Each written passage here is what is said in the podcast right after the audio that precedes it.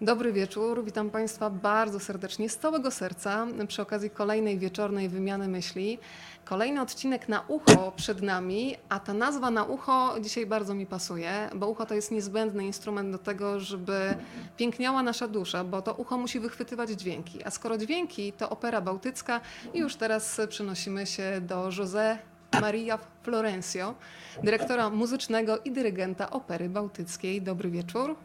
Dobry wieczór, bardzo mi miło. To od razu musimy ustalić na mapie, gdzie my jesteśmy konkretnie, bo dzisiaj maestro w pewnym sensie goście będą w domu, będziemy sprawdzać pojemność mieszkania. No, zobaczmy. Ja nie, ja nie powiedziałam w ogóle zbyt wielu osobom, że ten, ale wiele osób ogląda, w ogóle śledzi mój Facebook, więc to może się okazać, że nawet jest z Brazylii ktoś do Goście mogą być z całego świata i zachęcam do tego, żeby Państwo się meldowali, w jakich miejscach na świecie nas oglądacie. Ja jestem w Warszawie, a José Maria Florencio gdzie jest? Jestem w Gdańsku. W Gdańsku, do którego przywędrował po bardzo długiej drogi, drodze z Fortalezy. I dzisiaj o tej muzycznej, wyjątkowej drodze będziemy rozmawiać, zatrzymując się e, na wielu mm, przystankach muzycznej edukacji, ale muszę Państwu powiedzieć, że dzisiaj przygotowując się do tego spotkania, pomyślałam sobie, że przed nami jest ocean tematów, którym z ogromną przyjemnością się zanurzę. Zachęcam do tego, żeby będąc po drugiej stronie włączać się do tego spotkania i zamieniać e, ciekawość w pytania. Tak bardzo po dziecięcemu, żeby się nie stopować, tylko jeżeli jest ciekawość, to proszę ją od razu formułować w pytanie i dorzucać się tutaj bezpośrednio pod streamingiem. Być może nas będą dzisiaj dzielić nawet tysiące kilometrów, ale emocjonalnie zapewniam, że będziemy bardzo blisko. José Maria Florencio, poproszę na dzień dobry maestro o definicję opery. Miałam ostatnio przyjemność oglądania rozmowy z Romualdem Wiczą Pokojskim, czyli szefem Opery Bałtyckiej, którą przeprowadził Jarosław Kuźniar. I tam pan Romuald powiedział, że dla niego opera to jest spa dla duszy. Czym jest dla pana opera? Muszę powiedzieć, że nigdy nie próbowałem zdefiniować wszystkiego, co, co, co robię na co dzień. Naprawdę nie myślałem o tym, żeby, żeby szukać w ogóle taki zasób słów albo po prostu znaleźć akurat te 3-4 słowa, które by dobrze zdefiniowały operę. Dlatego, że opera dla mnie jest takim e, szerokim rzeczywiście może w ogóle przeżyć i ona łączy i ona łączy po prostu wszystkie e, wszystkie możliwe dla człowieka e, do przeżycia emocje. Tak, taki był zamysł tych, którzy ją idealizowali.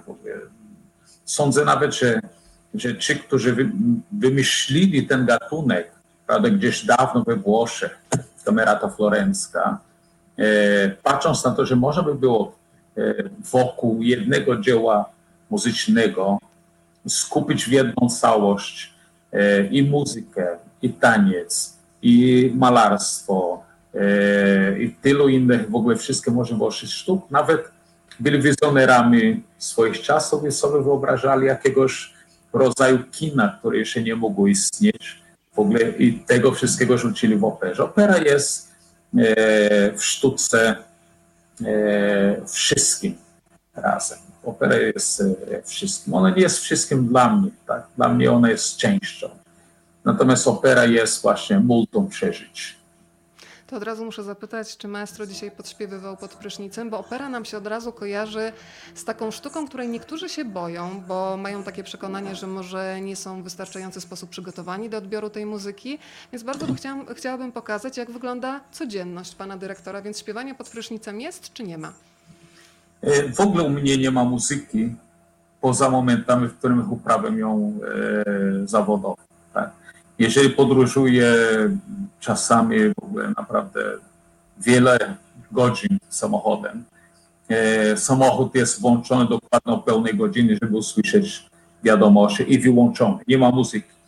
Nie ma muzyki dlatego, że, że i to jest może być ciekawe dla tych, którzy, dla tych, którzy sobie wyobrażają, że, że, że w życiu muzyka, muzyka jest e, e, słyszalna non-stop. Ona jest słyszalna non-stop, 24 godziny na dobę, ale tu, w środku mojej głowy, gdzie e, ona w końcu wychodzi na zewnątrz. Czyli w zasadzie nawet w momencie, w którym dyryguję, żeby ona zaistniała poza mną, żeby ona mogła wyjść moimi rękami w ogóle do moich e, współartystów, którzy współ, współtworzą w ogóle dzieła, które ja dyryguję, to ona musi powstać we mnie. Skoro ją słyszę cały czas, to po prostu nie potrzebuję żadnego, e, żadnego słuchania muzyki z zewnątrz. Też jej nie śpiewam, absolutnie nie. Mając dużo lepszą, e, dużo lepsze wykonanie co chciał śpiewać wewnątrz mojej własnej głowy. To jest piękne. Ja jestem w ogóle przekonana, że każdy człowiek ma w sobie muzykę, tylko potrzeba nam takich momentów zatrzymania, żeby te wszystkie dźwięki usłyszeć i zarejestrować. Widzę, że już się zrobiło międzynarodowo, bo jesteśmy między innymi w Anglii. Były pozdrowienia z Neapolu. Właśnie się zameldowała Kanada w postaci pani Marianny. Pozdrawiamy, ale jesteśmy też w Sulejówku, w Warszawie, w Katowicach, w Gdyni, w Gdańsku i kolejne osoby do nas dołączają. Lubelszczyznę i Wrocław też e, pozdrawiamy. Już się pojawiają pierwsze pytania. Ja mówiłam od razu, że to jest rozmowa wspólna. Państwo tworzą też jej energię, więc ja mam swoje pytania, ale od razu się Państwo włączają. Bardzo proszę. Pięknie Pan mówi po polsku. Skąd taka dobra znajomość języka? No to ten temat się pojawił wcześniej niż planowałam, ale bardzo proszę. E, tak na dobrą sprawę. Pamiętam dzień, w którym lądowałem w Warszawie e, i pozostawiłem moje walizki tam, gdzie miałem spędzić pierwsze dni e, pobytu w Polsce i udałem się do miasta po to, żeby zobaczyć w nawiasie, było to 85 rok, 1985 rok. Polska wyglądała nieco inaczej niż dzisiaj. Delikatnie mówiąc, nieco inaczej. Tak.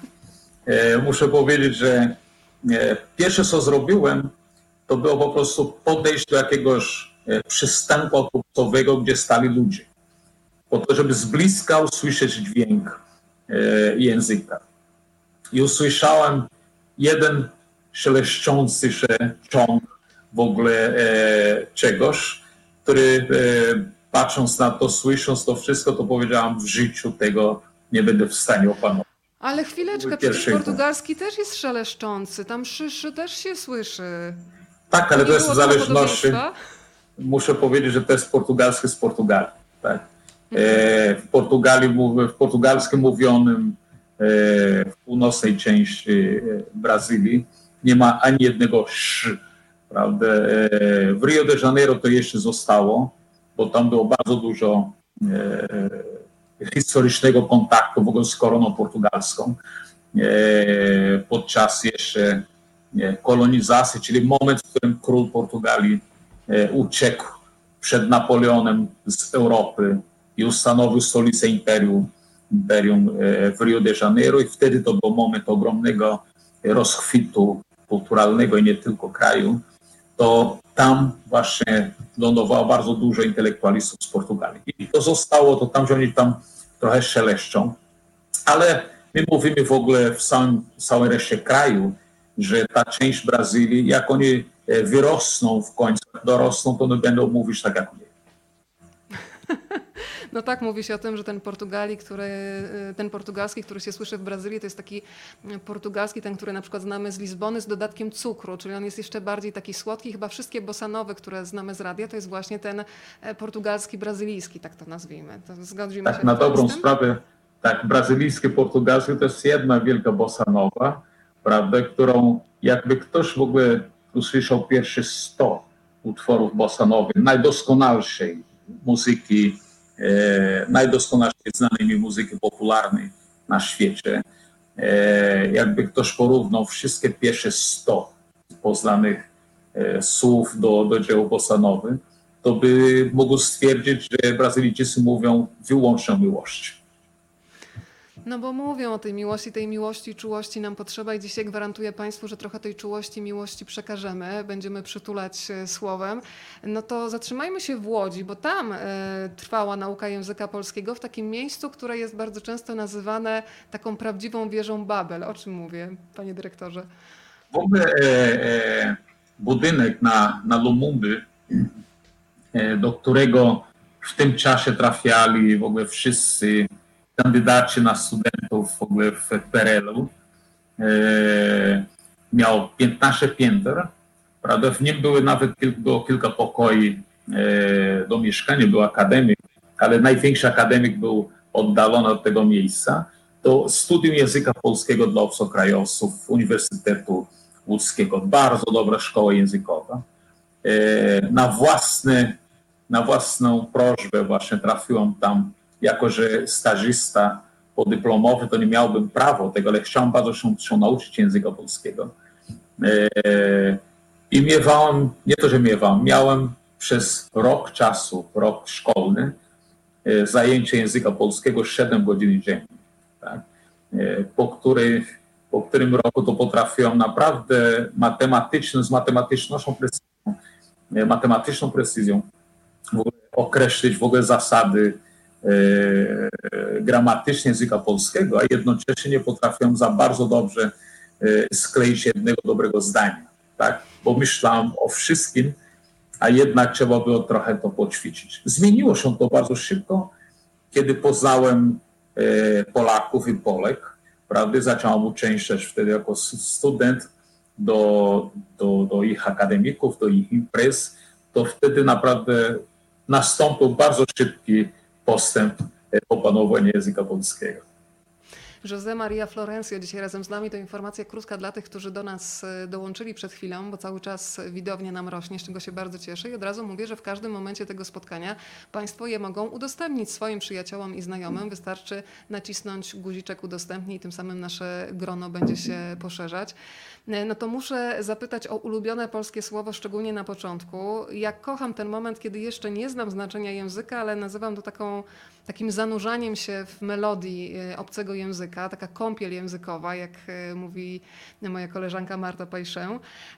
I coś takiego jest, że kiedy się nie zna znaczenia, to można nawet takim wyrazom jak na przykład ushinelusz, który po portugalsku znaczy kapcie, które mi się w Polsce kojarzą z rozdeptaną codziennością. Dla mnie to brzmiało jak wyznanie miłości. Gdyby mi mężczyzna szepnął do ucha Ushinelusz, to bym pomyślała, że coś dobrego chce mi przekazać. Więc jakie słowo polskie dla takiego ucha, które jeszcze nie zna tego języka, było najprzyjemniej brzmiące? Jeżeli istnieje właśnie bardzo podobne skojarzenie e, z tym, e, takie słowo dla mnie, które zawsze brzmiało po prostu jak wyznanie miłości, to było cielęcina. Ja naprawdę w muszę, muszę powiedzieć, że ja nie wiem, dlaczego mówią do siebie Polacy kocham cię, prawda? kiedy mogliby powiedzieć cielęcią cię, to byłoby dużo bardziej słodko, prawda? E, natomiast ja nie cielęciać takiego... tę rozmowę już teraz, maestro. Tak, tak jest. Natomiast nie miałem takiej sytuacji, że pokocham jakiegoś słowa, szczególnie w ogóle na samym początku. Nie mówiąc jeszcze po polsku, to pamiętam, że poznałem takiego przyjaciela z Afryki, też studenta, który e, wiedząc, że ja nic nie rozumiem i że nic nie mówię, dał mi karteczkę E, z czymś napisanym i powiedział, e, masz to, jak, jak spotkasz e, sympatyczną dziewczynę, z którą będziesz chciał rozmawiać, to po prostu to przeczytaj. Ale co tutaj pisze? Nie musisz wiedzieć, tylko czytaj. Prawda? A po prostu okazało się po jakimś czasie, jak już potrafiłem to zrozumieć, że tam pisało tak, mam wolną chatę. ale naprawdę nie wiedziałem, co ten mój kolega z Afryki chciał, że tak powiem, żebym ja się nauczył mówić czytając z tej karty. To ja muszę zapytać, jak w takim razie na taką otwartość reagowały Polki? Z jakim przyjęciem się spotykał Brazylijczyk z taką kartką? Ja muszę powiedzieć, że e, na tą otwartość zareagowały w ogóle e, w proporcji naprawdę 99 na 100 e, pozytywnie bardzo oczywiście. Nie próbowałem takiej ilości. Natomiast ja, ja muszę powiedzieć, że od samego początku w Polsce, Polska która była inna, a naprawdę nikt e, żyjący dzisiaj, nawet pamiętający tamtych czasów, nie za bardzo potrafi sobie wyobrazić, jak ta Polska się zmieniła.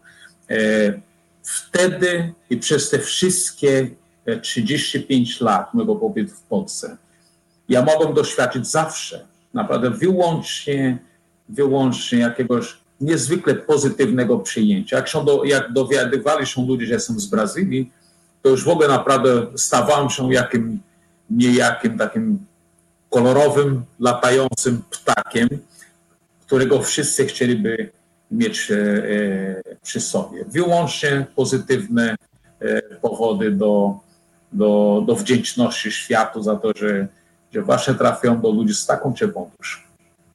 No to ja jestem bardzo ciekawa, jak wtedy w 1985 roku wyglądała Fortaleza, no bo to też nie jest Fortaleza, którą znamy z XXI wieku, więc y, gdyby porównać wtedy Fortalezę z y, na przykład Łodzią, czyli jesteśmy przy tej wieży Babel, czyli tam, gdzie uczył się Pan języków, y, to jak to porównanie wyglądało? Czego najbardziej brakowało i co było najbardziej zaskakujące? Bo zawsze, kiedy się przyjeżdża do obcego kraju, to jest w głowie jakiś rodzaj wyobrażenia, a potem następuje ta konfrontacja z rzeczywistością. Jak to zderzenie wyglądało? Z bardzo wielu doświadczeń mojego życia e, my musimy po prostu.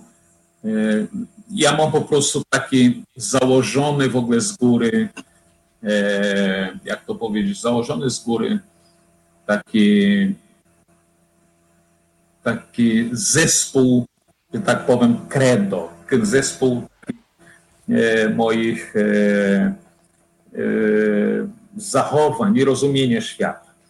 Ja e, mam to, że ja nie oczekuję od nikogo, od otoczenia i od miejsc i ludzi. Zazwyczaj nie oczekuję niczego. Tak?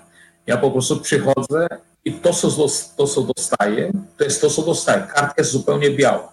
Czyli Tak. taka piękna Dzięki otwartość y, na świat, tak? Tak jest. Dzięki temu to ja nie, nie, nie jestem w stanie po prostu, jeżeli oczekuję coś, dostaję mniej, to jestem zawiedziony. Jeżeli nie oczekuję nic, dostaję cokolwiek, to jestem pozytywnie zaskoczony.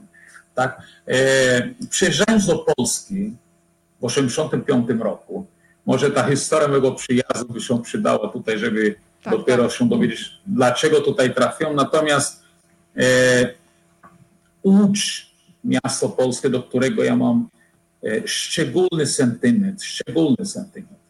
E, Ta Łódź, która jeszcze dzisiaj, chociaż bardzo się zmieniło i staje się naprawdę to miasto zupełnie inne i dynamicznie zmieniające się, ta Łódź wtedy była naprawdę szarym, robotniczym, e, opuszczonym, zapuszczonym miastem. To, to nie było naprawdę o bardzo wysokiej jakości kultury. Tak?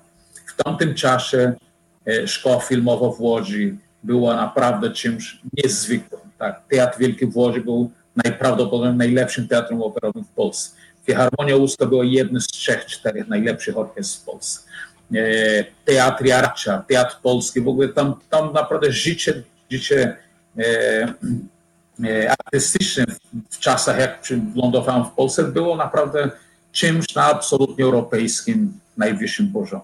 Tymczasem w Łodzi, ja, który po Piotrkowskiej chodziłem, spacerowałem, zachwycałem się e, architekturą e, kamienic, w ogóle patrząc się tylko w górę, oczywiście wyobrażając trochę, bo te kamienice były niedomalowane, zdewastowane bardzo często w przypadkach, ale człowiek widział piękno za tym, co się dzieje i wyobrażał sobie wszystkiego, co, co tam rzeczywiście mogło być wielkością kiedyś. Ja wracałem do domu, miałem zawsze najbrudniejsze do akademika. Nie? Miałem naj, najbrudniejsze buty ze wszystkich studentów, dlatego że wpadałem cały czas w kałuży, ale głowę miałem zawsze do góry. Czyli mocno To stopami była na ziemi, a jednocześnie głową w chmurach. y, Trochę tak. Muszę powiedzieć, że wtedy nie było co, co, co w ogóle porównać e, z Fortalezą Słoneczną. Tak, Fortaleza to jest najbardziej słoneczne miejsce na całym świecie. Największa ilość słońca w roku. Tak? Fortaleza jest miastem bardzo blisko równika. Od najkrótszego do naj, najdłuższego e, dnia roku Fortalezę dzieli różnica do 7-8 minut jest cały czas tak samo jasne, jest cały czas tak samo żywe. E, Miasto rósł, tak? Natomiast jest to dalej miastem posiadającym bardzo dużo cech takiego miasta rodzinnego, takiego miasta mojej, e, mojego dzieciństwa. Prawda? Są najpiękniejsze, wyobra- niewyobrażalne piękne plaże, niekończące się w ogóle odległości w ogóle całego stanu, e, łączących, e, złączonych w ogóle no, plaży na 300 kilometrów, tak? Duny, e, natura, prawda, cudowna woda z kokosa, najlepsze z możliwych fruty di mare i, i, i ryby. Polska była wtedy w takim momencie swojego, swojej historii, że nie mogłaby z tym pięknem pod tym kątem. Ale nie przyjechałem tutaj z tego powodu. Przyjechałem do Polski z biletem w jedną stronę po to, żeby dokonać czegoś. I, i starałem się w ogóle wejść w tą Polskę, rozumieć tą Polskę, wyczytać tą Polskę, poznać tą Polskę i Polaków. E, I mi się udało. Bardzo szybko e, wszedłem w ogóle w kontakt e, z ludźmi, rozumiejąc ich i dając się zrozumieć. Drodzy Państwo, my dzisiaj będziemy poruszać bardzo wiele różnych tematów. E, za chwilę zostaniemy na dużej Fortalezie, żeby poznać małego José, który dopiero odkrywa talent muzyczny, ale jeszcze w ramach zapowiedzi, żeby Państwo wiedzieli, że dzisiaj dużo tematów się pojawi, chciałam Państwu powiedzieć jasną rzecz, że w Operze Bałtyckiej w Gdańsku Powinniście się bardzo grzecznie zachowywać, na pewno nie włączać telefonów, bo pan dyrygent posiada czarny pas karate, więc nie wiadomo, jaka będzie reakcja, prawda? Można powiedzieć, że można się czuć i bezpiecznie, i czuć chyba respekt w pana towarzystwie, maestro.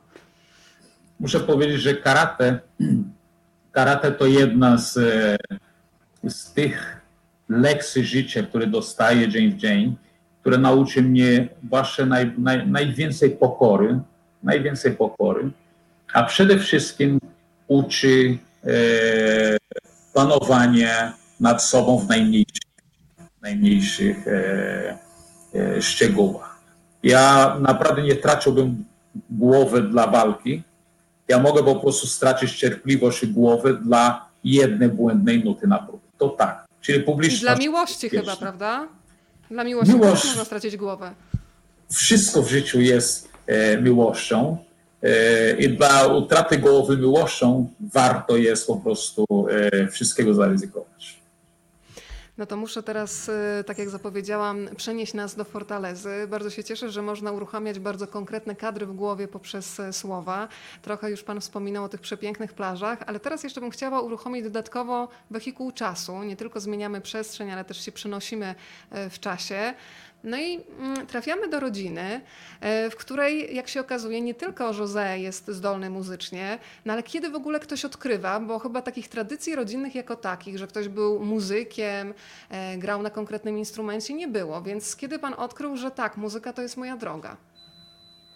E, moje życie, moje życie jest jednym wielkim ciągiem cudów, których nie potrafię po prostu, e, nie, nie, ja nie potrafię przestać zachwycać się cudami świata.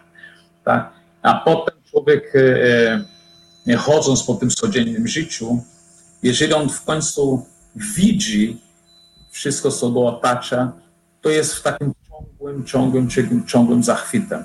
Ten zachwyt pomaga nam wszystkim bardzo e, iść do przodu i w górę. Jeden z tych rzeczy, które do dzisiaj mnie zachwyca, to jest to, że ja nie miałem muzyków w rodzinie. Tak? Ja pochodzę z, z rodziny średniej klasy w Brazylii, e, w której rodzicom było e, dane naprawdę stać było na to, żeby nas e, dobrze edukować i, i, i, i naprawdę nam niczego nie brakowało. Natomiast nie było żadnej żadnej tradycji muzycznej w rodzinie. Mało tego, Fortaleza, która dzisiaj, no nie wiem, liczy około 4 milionów mieszkańców, do dzisiaj w Fortalezie nie ma orkiestry zawodowej, nie ma orkiestry symfonicznej, tak? E, e, ale ja gdzieś w wieku między 7 a 8 lat obudziłem się rano, e, z pewnością, z przeświadczeniem, że będę dyrygentem w Europie. Wow. Ja, ja nie to, że chciałem być dyrygentem w Europie, nie widziałem żadnego dyrygenta, nawet w telewizji. Tylko ja po prostu się obudziłem, wiedziałem, że będę dyrygentem w Europie, jakby ktoś mi to powiedział przez sen. I zapragnąłem się uczyć grać na instrumentach. E, udałem się sam do takiego miejsca, gdzie uczyli muzykę. E, to było naprawdę, to była instytucja, trudno i długo o tym trzeba by powiedzieć, jak, jakiego rodzaju to instytucja, ale to takie miejsce, gdzie, gdzie e, można było przyjść e, i uczyć się muzyki, baletu, teatru i jeszcze do tego uprawiać nieprawdopodobną ilość dyscypliny sportu. Do dyspozycji były najlepsze warunki do rozwoju, a jeszcze do tego wszystkiego najlepszych profesorów i instruktorów. Ja się zapisałem w ogóle do, e, e, u profesora do orkiestry dętej e, na klarynecie. Tak. No i e, wróciłem do domu tego dnia. Już nas w domu było pięcioro dzieci. Wtedy powiedziałam, mój brat, e, ty od jutra uczysz się grać na trąbce, ty siostro na tym, ty siostro na tamtym, ty siostro na tamtym. No przychodzą w ogóle, tak, przychodzą w ogóle w tym momencie moi rodzice i mówią, co ty sobie myślisz w ogóle, zapisałeś ich wszystkich, nikomu nic nie mówiąc. Ja mówię, tak, tak, bo was też zapisałem do chóru, we wtorki i czwartki wieczorem, wieczorem będziecie chodzić na, na, na próbę chóru.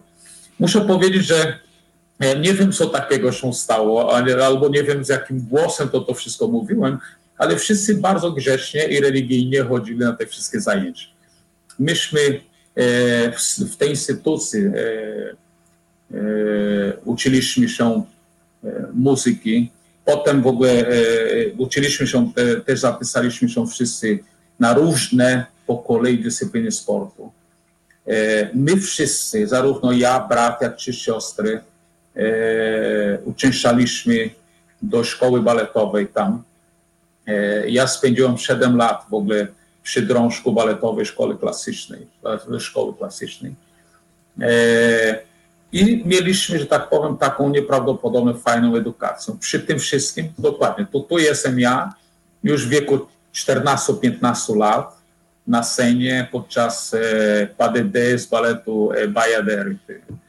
E, to właśnie dotyczy tego okresu e, mojego życia.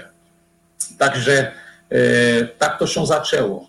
I, e, a reszta to były po prostu otwierające się jedna po drugie drzwi, które umożliwiały mnie e, rozwój i osiągnięcia e, tego, e, czego mogłem już do dzisiaj osiągnąć. Mam nadzieję, że jeszcze przez następne 20 lat mojej kariery jeszcze sporo mi się uda zdobyć po tym świecie.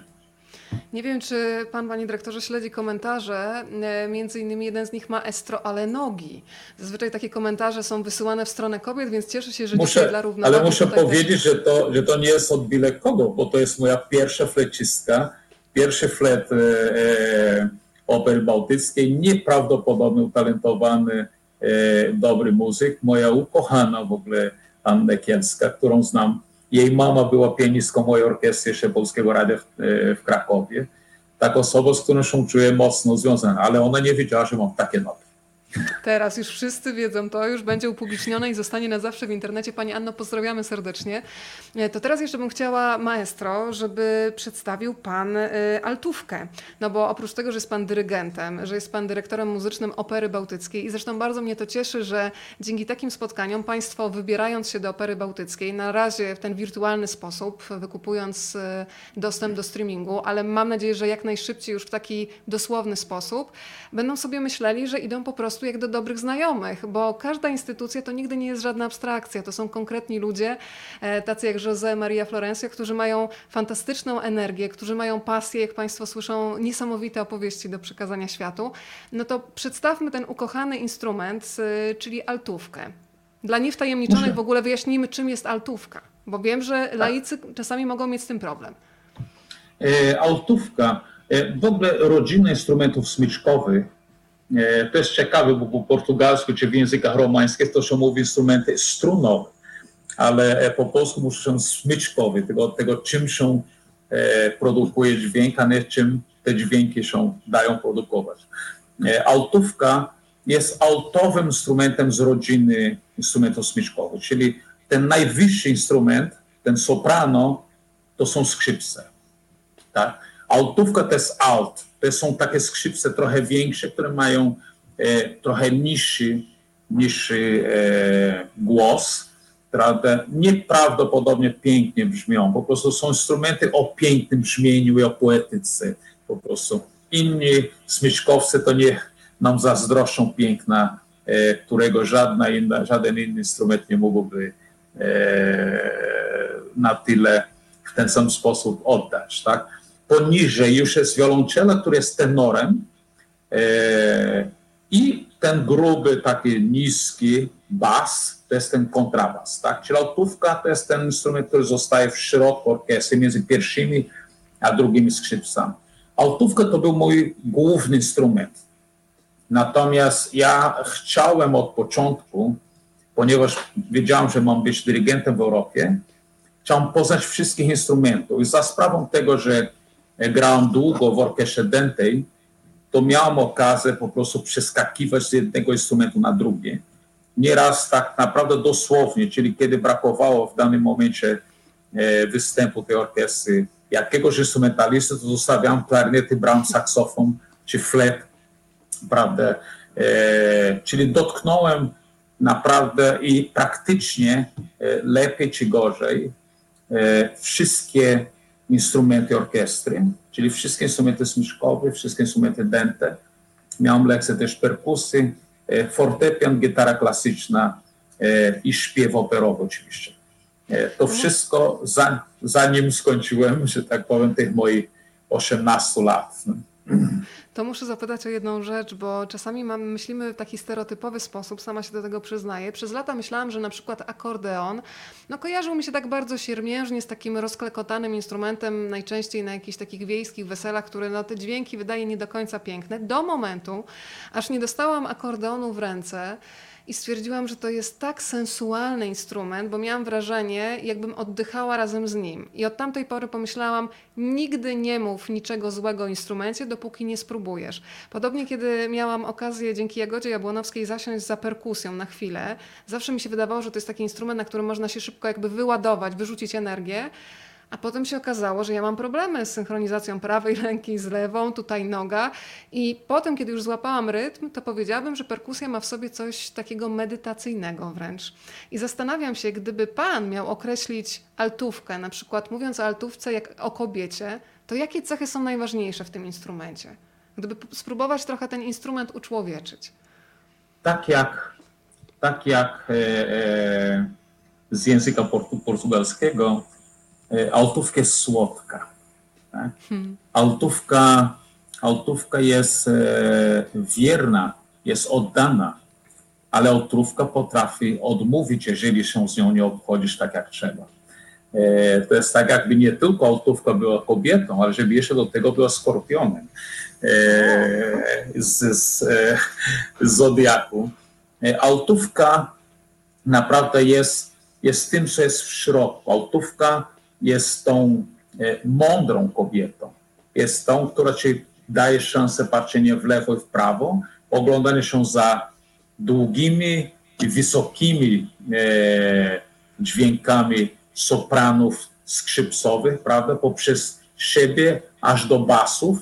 E, jest wasza altówka jest tym instrumentem, który pozwala ci, będąc w orkiestrze, być w centrum, tak? E, naprawdę wszystkie charakterystyki które powinno posiadać kobietę, która ma uszczęśliwiać mężczyznę. To jest naprawdę, e, autówka była bardzo dobrym, bardzo dobrym dla mnie e, wyborem. Byłem solistą na autówce w ogóle w bardzo wielkim, młodym wieku. Pomimo to, że, że spacerowałem po tych wszystkich instrumentach, to altówka była instrumentem i jest instrumentem mojego życia. Zawsze w orkiestrach, patrząc na autowiolistów, to traktuję autowiolistów jak w ogóle kastę bliższych mi e, przyjaciół. To akurat, co może naprawdę zdziwić innych e, i wywołać, że tak powiem, pewne. Natomiast naprawdę autówka, autówka uczy wiele. Autówka uczy wiele. Autówka uczy obserwacji, autówka wymaga od nas współpracy z innymi. Autówka daje mnóstwo szans wypowiedzenia się, Natomiast bardzo często altówka sama z siebie mówi, kiedy e, okaże się, że potrafimy za mocno naciskać, prawda, albo za lekko, albo z nią się nie obchodzić tak, jak należy. Państwo już tutaj komentują. Ania pisze, pan José to dosłownie człowiek orkiestra, a jego historie fantastyczne. Kolejne komentarze, które mi mignęły przed oczami, że to jest historia, dopiero początek spotkania, a życiorys e, naszego gościa to gotowy scenariusz na film. No to drodzy filmowcy, proszę bardzo, zabierać się i przekładać tę opowieść e, na wielki ekran. No dobrze, to jesteśmy na etapie, kiedy mm, za chwilę już będziemy opuszczać e, Fortalezę. Jest talent, wszyscy w rodzinie już zostali umiejscowieni. Mały dyrygent tutaj zarządził, kto czego się uczy, kto śpiewa w chórze. Mm, No ale też e, wiem, że przyjechała pewna nauczycielka, która wybrała dwójkę najzdolniejszych zajęć podczas jednych zajęć i okazało się, że te dzieci to są w zasadzie bardzo dobrze znające się dzieci. Jak to wyglądało? To właśnie to jest historia. E, Kilka razy zdarzyło się tak, że podczas jakichś master classes, tak, warsztaty, w którym uczęszcza- uczęszczała w ogóle cała grupa, e, e, cała, e, cała grupa uczniów naszej szkoły, czyli mogło być tam setka ludzi, słuchając jednego profesora podczas jednego e, wykładu. E, w tym momencie taka nauczycielka, która była ze Szwajcarii, mieszkała długo w Brazylii, ale na południu, czyli oddalona od naszego miasta przynajmniej o trzy dni drogi e, lądowej, tak, autobusem, czy, czy samochodem, czy 6-7 godzin samolotem. I ona po prostu wybrała dwójkę dzieci, ja z jednej strony sali, drugie dziecko z drugiej strony sali, nie wiedząc, że to jestem ja i mój brat. To nie była jedna historia w ogóle taka, to było bardzo wiele razy to, to miało miejsce. Mówiąc wy, e, tu już nie możecie się rozwijać, wy musicie wyjechać. E, mam akurat tutaj e, takie, takie no, z gazety e, wiadomość, że orkiestra w Belo Horyzonte poszukuje zawodowych muzyków. Ja sądzę, że wy, pomimo to, że jesteście bardzo młodzi, e, możecie zdawać ten e, egzamin i możecie się dostać do tej orkiestry. Ja znam osobiście dyrygenta tej orkiestry, wtedy to był Włoch, Sergio Maniani, jeden z moich pierwszych profesorów dyrygentury później. E, I pojedźcie, zdajcie egzamin, zobaczmy, co się będzie działo. Ja napiszę dla was list polecający. I właśnie tak się stało. Dzięki temu, że mogliśmy opuścić Fortalezę, udać się do Belo Horizonte, e, przepiękne miasto, stolica stanu Minas Gerais, e, na wysokości około 2000 metrów, w górach, e, piękne miejsce, rozwijające się bardzo miasto, o wiele bogatsze niż nasza Fortaleza. Tam powstała orkiestra istnie międzynarodowa, istnie międzynarodowa gdzie grali e, muzycy z niemal całego świata. A do tego wszystkiego opłacała w ogóle w tamtym czasie najwyższe pensje dla muzyków w kraju. E, moja pierwsza pensja to była naprawdę niezła pensja, to była bardzo wysoka, a to Pamięta przede pan, co sobie wszystkim... kupił za pierwszą pensję? Bo zawsze pierwszą wypłatę się pamięta najmocniej. Było coś takiego, E, na co się czekało? Za pierwszą wypłatę przede wszystkim to ja poszedłem na Szuchasko. Szuchasko to jest taka restauracja w Brazylii, naprawdę, którą, na, do, do której namawiam, jeżeli będziecie Państwo turystyczni w Brazylii, gdzie się płaci za wejście do restauracji. Tak? Potem siedzi się przy stole, gdzie jest kartka, gdzie jest po jednej stronie czerwono i zielono. Jak jest zielono, do momentu, jak jest zielono, będzie chodziło, będzie przychodziło do tego stolika e, kelner z grillem, z, w ogóle z mięsem z grilla i serwuje to każdego rodzaju, tu wołowina, wieprzowina, e, kurczak, e, prawda, każdego rodzaju tego z wielkim bufetem sałaty i człowiek może tam siedzieć przez cały dzień, jeżeli tylko tego za cenę, tylko zapłacenie tego, tego wyjścia. Picia i desery są była pierwsza rzecz, jaką zrobiłam, jak, jak e, dostałem pierwszą pensję. Muszę jeszcze powiedzieć coś takiego ciekawego, że ja zacząłem pracować po to, żeby, żeby się rozwijać, po to, żeby, żeby studiować, po to, żeby dalej się uczyć. E, osiągnąłem wiele w ogóle w pracy przez 6-7 lat w orkiestrze, e, a przede wszystkim nauczyłem się orkiestry od środka. Natomiast ja byłem ciągle zajęty. Byłem ciągle zajęty I to się e, chyba nie edukacją. zmieniło, prawda? No to, to się nie zmieniło. Ja przede wszystkim przez całe życie to, co najbardziej lubię, najbardziej kocham, to jest się uczyć. Tak, e, uczyć się partyturę dla mnie jest procesem fascynującym dalej, o wiele bardziej niż próby, o wiele bardziej niż spektakle i koncerty. Naprawdę. Usiąść, czytać, uczyć się i po wielu godzinach wstać i powiedzieć, umiem czegoś nowego. Tak? To Po ja to pojechałem do Belo Horizonte. Muszę powiedzieć, że tutaj kolejne propozycje już pod Pana adresem padają. Pani Agnieszka pisze, że ma wrażenie, że Pan José ma jeszcze kolejny talent. Mógłby napisać piękną książkę o muzyce, a może swoją biografię. Chętnie przeczytam. Piękny język, piękne porównania, niebanalne, dusza i czułość w każdej opowieści. Więc będziemy zaraz szukać wydawcy y, po tym spotkaniu, to już y, wiemy. Y, No ale potem ja muszę trochę skracać tę drogę opowieści, żebyśmy się przenieśli od razu do Nowego Jorku i to do takiego miejsca, które jest no, marzeniem wielu muzyków. No w zasadzie to, to jesteśmy właśnie u bram Nowego, Nowego Jorku, dlatego że właśnie za pieniądze zarobione e, w Brazylii, e, w Belo Horizonte wtedy, e, zapisałem się na, na program Extension Division program w The Julia School of Music, jeden z jedna z największych, najlepszych uczelni muzycznych świata. Dzięki temu mogłem spędzić trochę czasu w Nowym Jorku trochę się uczyć. E, Wtedy to uczęszczałem na zajęcia z dyrygentury. E, Mój profesor e, Vicent La Selva był pierwszym dyrygentem e, opery e, newyorskiej. Nie, nie, nie, Manhattan, nie na Manhattanie, nie, nie ten e, Metropolitan Opera, tylko New York Opera. Natomiast ja w tej uczelni spotkałem w ogóle e, i nie tylko na uczelni, bo obok próbowała i występowała New York Philharmonic. Spotkałem profesorów, miałem zajęcia z Eugene Ormond i szef Philadelphia Symphony Orchestra. A poznałem osobiście Zubina Meta, Leonarda Bernsteina. Mój profesor e, wizytujący, Eleazar de Carvalho, brazylijski profesor, który prowadził kursy w Julia School of Music, też właśnie umożliwił mi wyjścia, że tak powiem, tu i tam jako bardzo młody człowiek, prawda? Tam jednocześnie miewałem lekcje jeszcze altówki.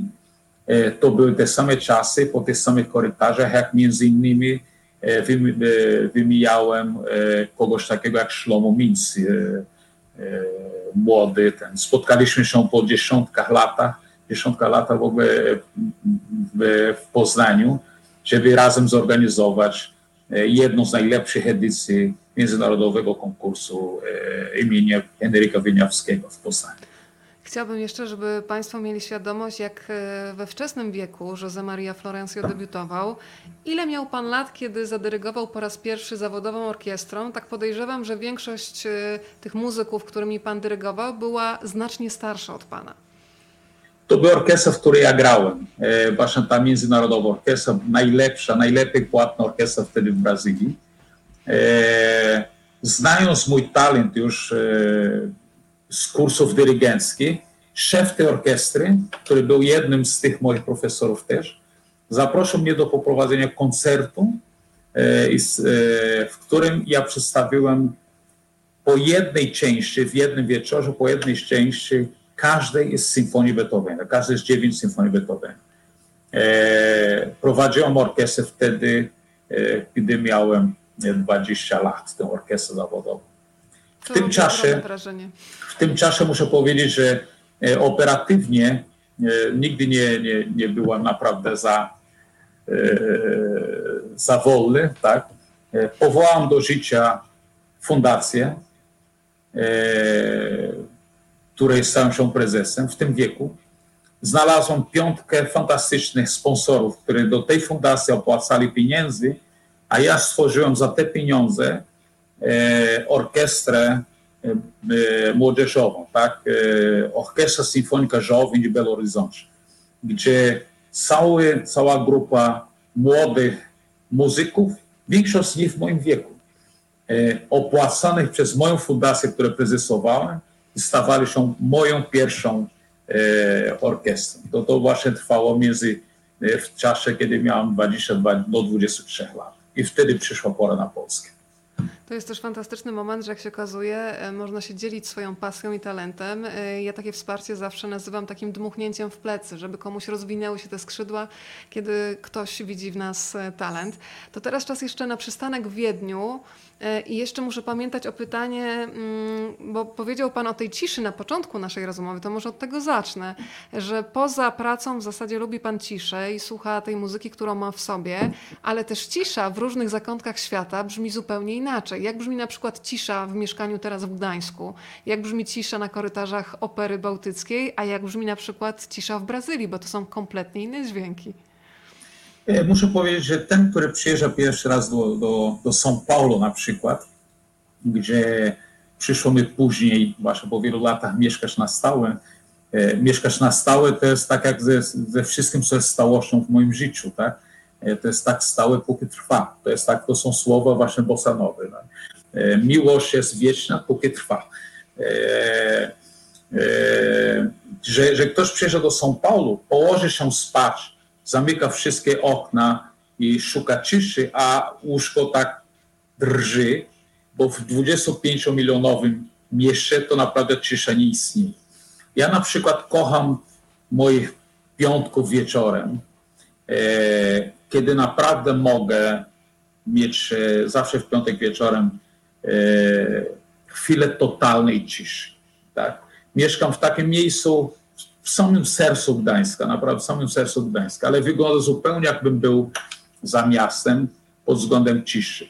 Natomiast pamiętajmy o jedną rzecz, najważniejszą dla mnie, e, którą często e, ludzie nie kojarzą tego.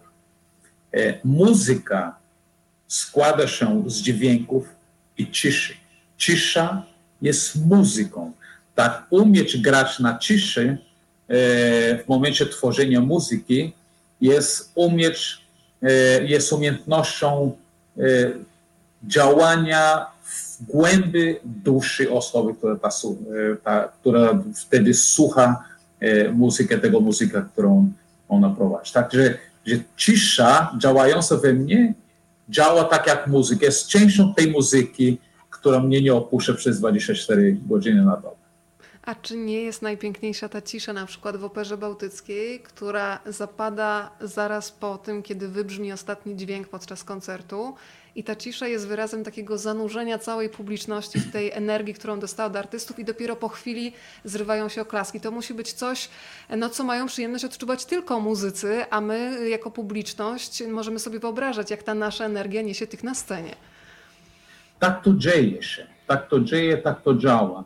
Natomiast w zależności od tego, co my gramy, co my serwujemy i jak, jak, jak, jaką siłę e, ta, ta muzyka niesie, ta cisza bywa krótka, ta cisza e, w ogóle nie zaistnieje między ostatnim akordem a aplauzem.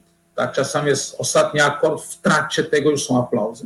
Czasami jest akord, kończy się cisza, aplauz. Natomiast są miejsca i momenty, tak jak po naszym wspaniałym spektaklu nazywanym Wieczór Latynoamerykańskim, baletowym, w której drugiej części my gramy do muzyki Bela Bartoka, e, gramy stworzone przez argentyńskiego choreografa, e, choreografę do pamiętników, pamiętników Anny Frank. Bywa tak, że po ostatnim akordzie jest długa cisza, zanim powstaje pierwszy, pierwszy oklask, prawda? I, i, i, aplauz, który zazwyczaj są jed, jedni z najdłuższych aplauzów wszystkich naszych e, spektakli. Moją rolą i moim celem, prawda, i moim marzeniem, tworząc ten wieczór, jest właśnie osiągnąć sytuację, w której ta cisza przemówi jak najdłużej. Jeżeli tak się stanie, to znaczy, że e, ci, dla których graliśmy, zrozumieli bardzo dokładnie to, co chcieliśmy im powiedzieć. Teraz aż ja musiałam chwileczkę ciszy wytrzymać, yy, bo to jest coś fantastycznego, tak samo jak kiedy się słucha czasami wywiadów radiowych, gdzie mamy tylko głos, to czasami ten moment zatrzymania albo załamania głosu potrafi powiedzieć znacznie więcej niż zdania, które wypowiadamy. I wtedy bardzo ważne jest na przykład u montażystów, żeby oni tego nie skrócili, bo ta cisza mówi więcej niż na przykład wcześniej wypowiadane słowa. Wieczór latynoamerykański mogą Państwo już sobie rezerwować czas. Sprawdzałam repertuar opery bałtyckiej na rok 2021 i będzie szansa na przykład w czerwcu, żeby się spotkać z tą muzyką, o której maestro opowiada. To jestem bardzo ciekawa, jak teraz w sytuacji, sytuacji pandemicznej, kiedy można korzystać z opery. I myślę, że dla wielu osób to będzie też szansa, żeby po raz pierwszy otworzyć drzwi do opery w ten wirtualny sposób, a potem e, kontynuować tę piękną przygodę przez lata. Czy widzowie, czy maestro myśli, że to jest dobry pomysł, żeby po takich streamingach, e, kiedy wchodzą sobie na stronę Opery Bałtyckiej, operabałtycka.pl, wykupują sobie bilet, oglądają spektakl operowy, oglądają balet, czy potem byłoby miłe z ich strony, gdyby na przykład napisali maile do artystów? Bo ja myślę, że artyści dzisiaj, też pozamykani i nie mający kontaktu z publicznością na żywo, potrzebują jednak takiego okazania. No nikt nie wie, że ktoś tam klaszcze po drugiej stronie, więc jak to jest? E, mnie się wydaje, że tu dwie rzeczy odgrywają rolę jednocześnie. E, my potrzebujemy ciepła i obecność publiczności. Potrzebujemy tego. Nie potrzebujemy dlatego, że chcemy być oklaskiwani. Potrzebujemy dlatego, że energię, którą tworzy się między mną, muzykami, śpiewakami, tancerzami i wraca do nas, i ona się e, powiększa, ona się udziela tym, którzy siedzą za moimi plecami i do nas wraca. Tak? Ja sądzę, że, że po to po takie w ogóle przeżycie, jak w ogóle ta wymiana energii, do teatru przychodzi większość ludzi, nie wiedząc, że właśnie po to przyszło, tak? Bo oni nie umieją tego określić. W momencie, kiedy w tym ciągu brakuje jednego elementu, ta energia dalej jest, ale ona jest uboższa o nieobecność tych, którzy by byli z nami i by wnieśli do tej energii swojego kolorytu, swoje, swoją akceptację czy odrzucenie. Tak? Natomiast ta energia jest uboższa. Kiedy, kiedy my nie widzimy publiczności, robi się nam trudno. Ale my jednocześnie jesteśmy artystami po to, żeby żyć z takiej bardzo mocno ugruntowania, bardzo głęboko w nas odpowiedzialność, odpowiedzialności za dzieło. My, my gramy najlepiej na każdej próbie, gdzie też nie ma publiczności. Tak? E, natomiast to, że ich nie ma, jest naprawdę problemem nie, nie dla naszego, nie wyłącznie, bo to też jest problem, dla naszego, dla budżetu naszych instytucji. Tak? To, że ich nie ma, ich nie ma jest problemem, bo brakuje ich obecności, ich energii. Tak? E, sądzę, tak jak mieliśmy po okresie marzec-czerwiec, kiedy publiczność wróciła e, i myśmy zrobili spektakl po raz pierwszy w historii e, w sierpniu i we wrześniu. E, w ogóle ich obecność po prostu nas uradowała. Nie mogło być pełna widownia, tak? mogło być 50% w zmniejszonej widowni, bo część tej widowni w tej, w tej chwili w Gdańsku zajmuje orkiestra, która musi siedzisz daleko od siebie, że według zasad e, sanitarnych. Natomiast myśmy do, e, doświadczali e, największego takiego oklaskiwania właśnie w czasie, w którym ta publiczność sobie 25% czy 50%. Zupełnie jakby oni rozumieli, że ponieważ nie ma tych wszystkich innych, oni muszą trochę za tych wszystkich innych nas oklaskiwać. A my po prostu, ponieważ widzieliśmy, że oni przychodząc do teatru, dokonują pewnego aktu odwagi wyjścia z domu, to po prostu byliśmy i okazaliśmy im nieprawdopodobną, nieprawdopodobną silną wdzięczność, którą sądzę było odczuwalne, nie tylko przez to, jak myśmy grali, śpiewali, tańczyli, ale przede wszystkim jak myśmy wychodzili z nimi w interakcji. Każda z tych doświadczeń, pełna wydownia w normalnej sytuacji, 50%, 25% czy 0% przez streaming są doświadczeniami, doświadczeniami bardzo ważnymi, głębokimi dla, e, dla artysty. My ich wszystkich przyjmujemy w ogóle jako część tej odpowiedzialności, którą bierzemy na siebie momencie, w którym przyszło nam kształtować ducha społeczeństwa, prawda? Piękna duszy narodu. Od tego jesteśmy na świecie. Dokładnie, to jest tak, to jest wielki ukłon w stronę wszystkich artystów, bo dzięki Wam naprawdę dusza pięknieje i ten czas pandemii pokazał, że bez książek, bez literatury, bez opery, teatru, baletu e, ta dusza by umarła. Ona cały czas pięknieje dzięki artystom, którzy szukają nowych dróg dojścia do państwa. Teraz pozwolę sobie zaprezentować jedno z moich ulubionych zdjęć z opery bałtyckiej, na której widać jak zamaszyście, z jaką pasją José Maria Florencio dyryguje. Zastanawiam się, jak to jest, e, kiedy się staje przed e, orkiestrą e, i jak ta tajemnicza komunikacja wygląda, bo publiczność bardzo często widzi plecy tylko dyrygenta, chociaż z tego, co mi doniesiono, to akurat José Maria Florencio bardzo często rozmawia z publicznością, trochę jakby podprowadza pod konkretne utwory, tak jakby po prostu tak jak rozmawiają ze sobą instrumenty w orkiestrze, tak samo dyrygent rozmawia z publicznością, no ale powiedzmy trochę tej tajemnej komunikacji, czyli te przeciągłe spojrzenia, ruchy batutą, na czym to wszystko się opiera z punktu widzenia laika, dla mnie to jest magia, więc trochę tą magię rozłóżmy na elementy pierwsze. Muszę powiedzieć, że e, dopełniając tylko obraz, zanim zaczniemy dokładnie o tym mówić, e, spotkałem kiedyś osobę e, w jakimś neutralnym miejscu, nie wiem, w banku, czy w domu towarowym, czy gdzieś, która popatrzyła mnie i powiedziała, tak, ja pana znam. Ja naprawdę pana znam, pan dyrygent, pan, pan Florencio dyrygent, tak, pana znam, ale tylko od tyłu. E, e, tak to zabrzmiało zupełnie, e, tak jak zabrzmiało.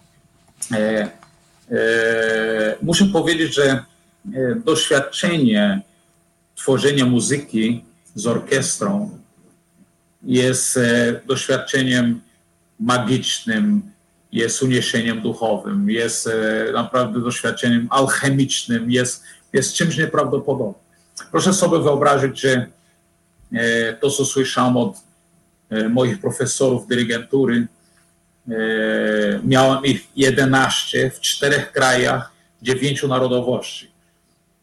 Ale często powtarzała się koncepcja, że ta, ta muzyka, która ma powstać, ona musi być owocem tego, co powstaje u dyrygenta w głowie dzięki znajomości partytury, idzie przez serce, żeby dojść do świata poprzez ręce. Tak?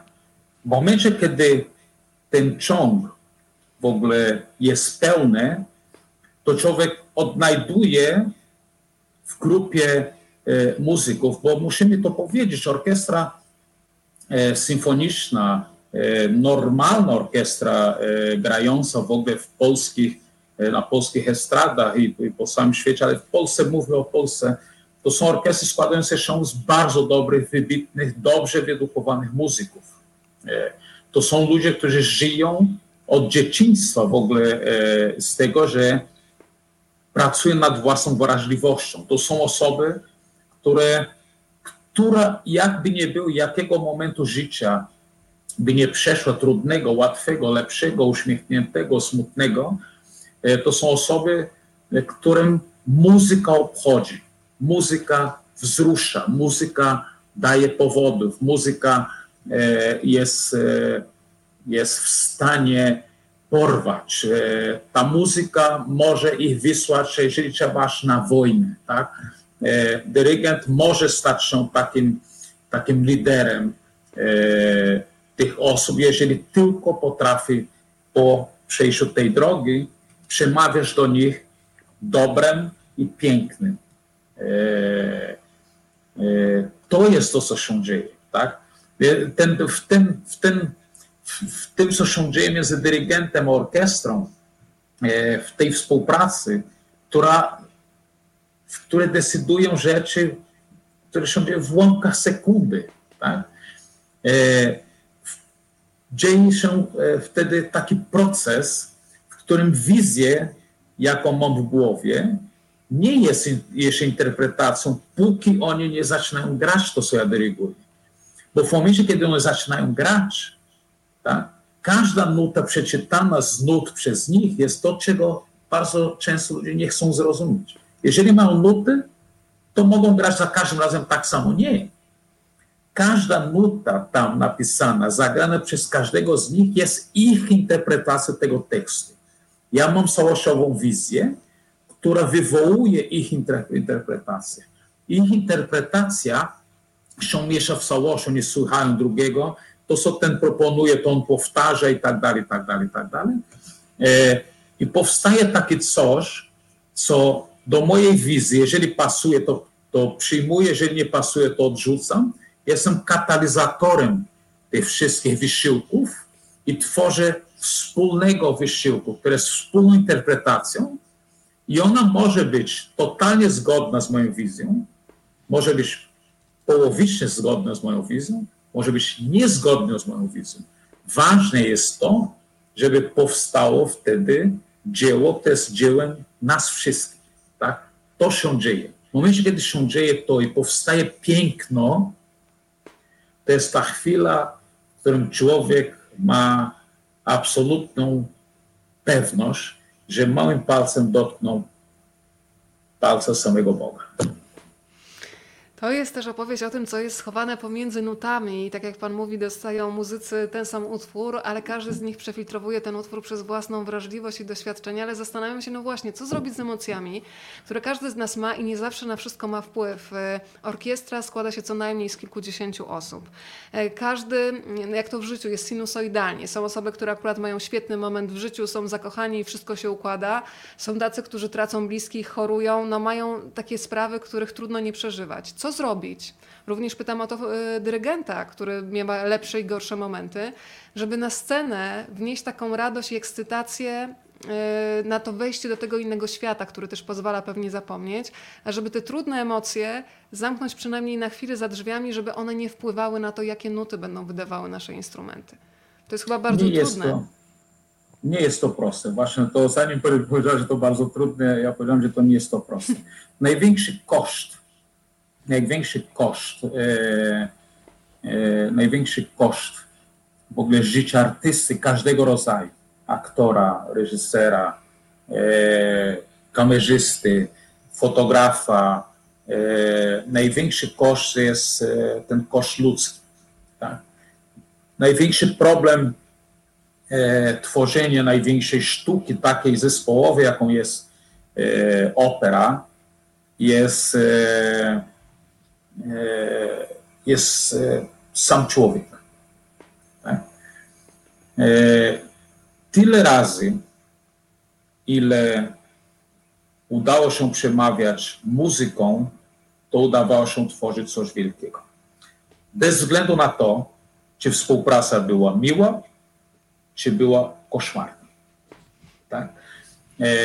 Ta współpraca bywa z powodów ludzkich czasami sprawna, szybka.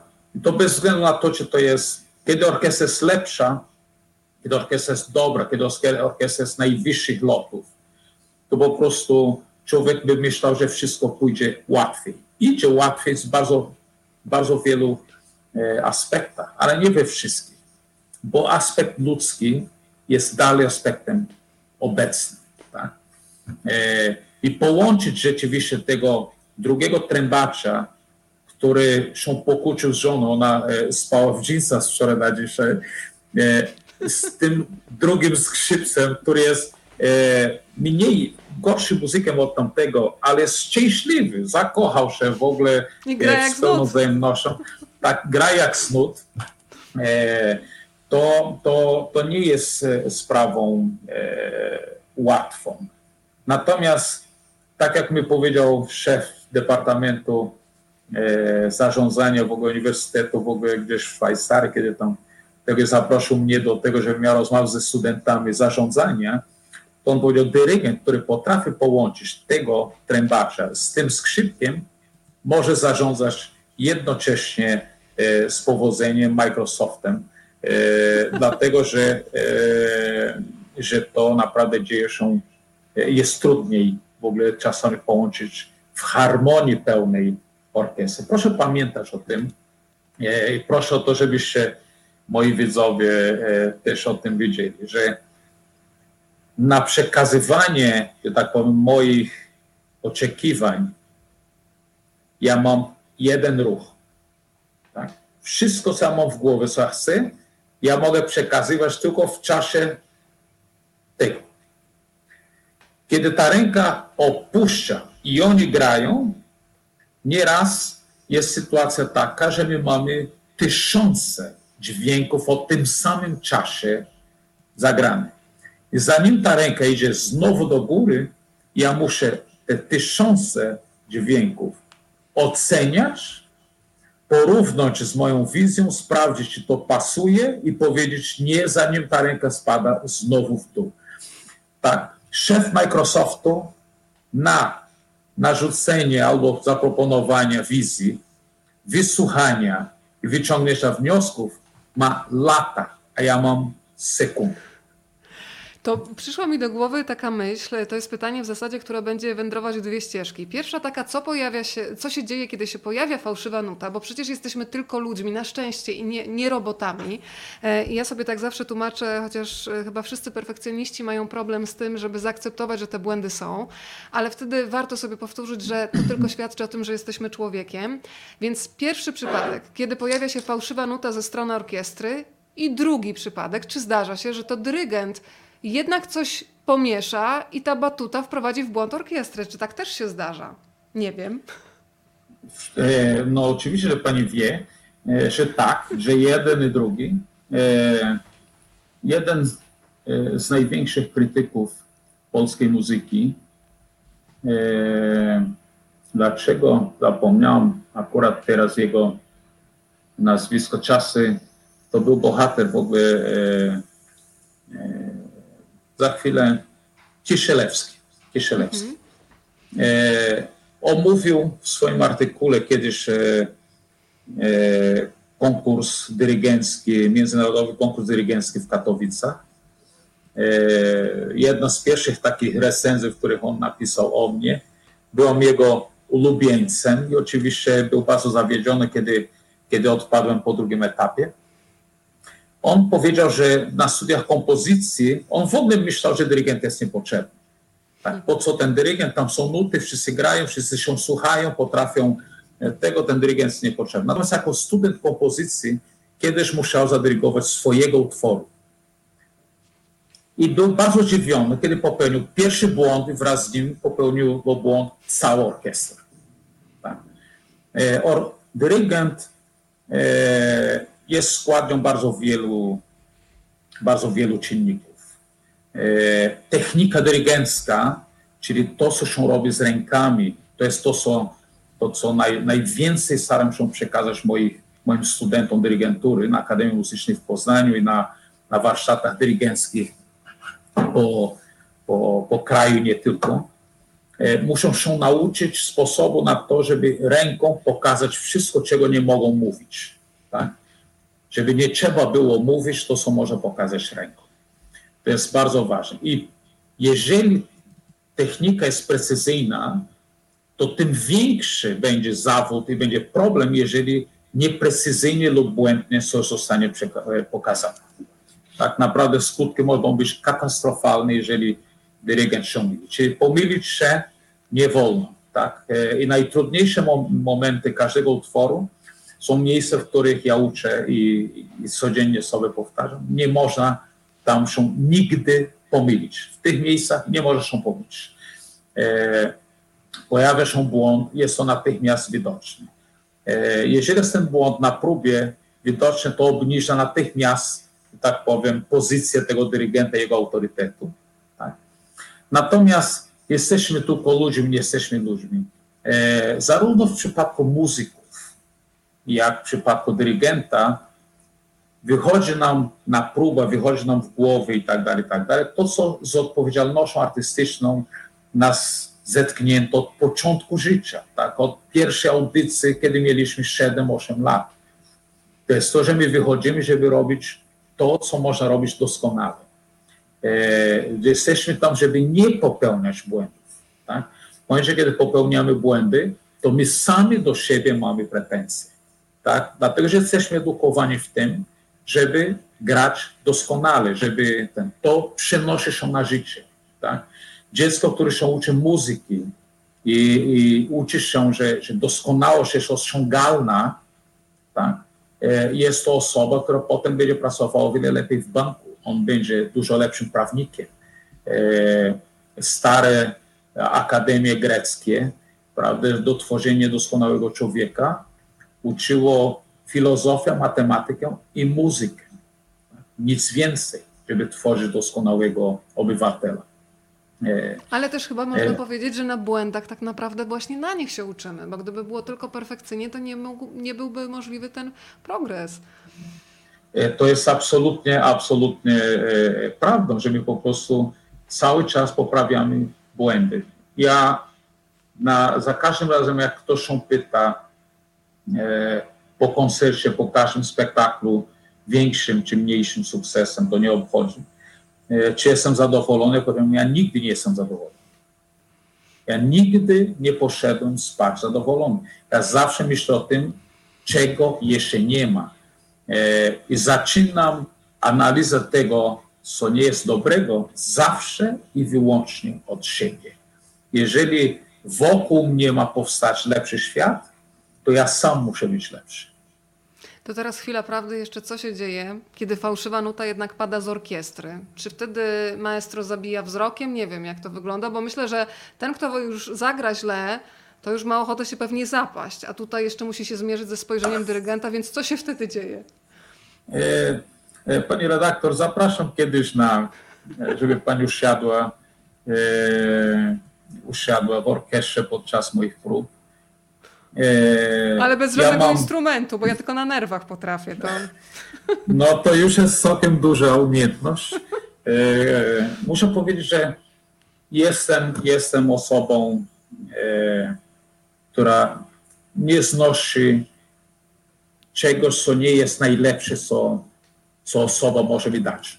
Tak? Czyli ta poprzeczka ja, jest bardzo wysoko.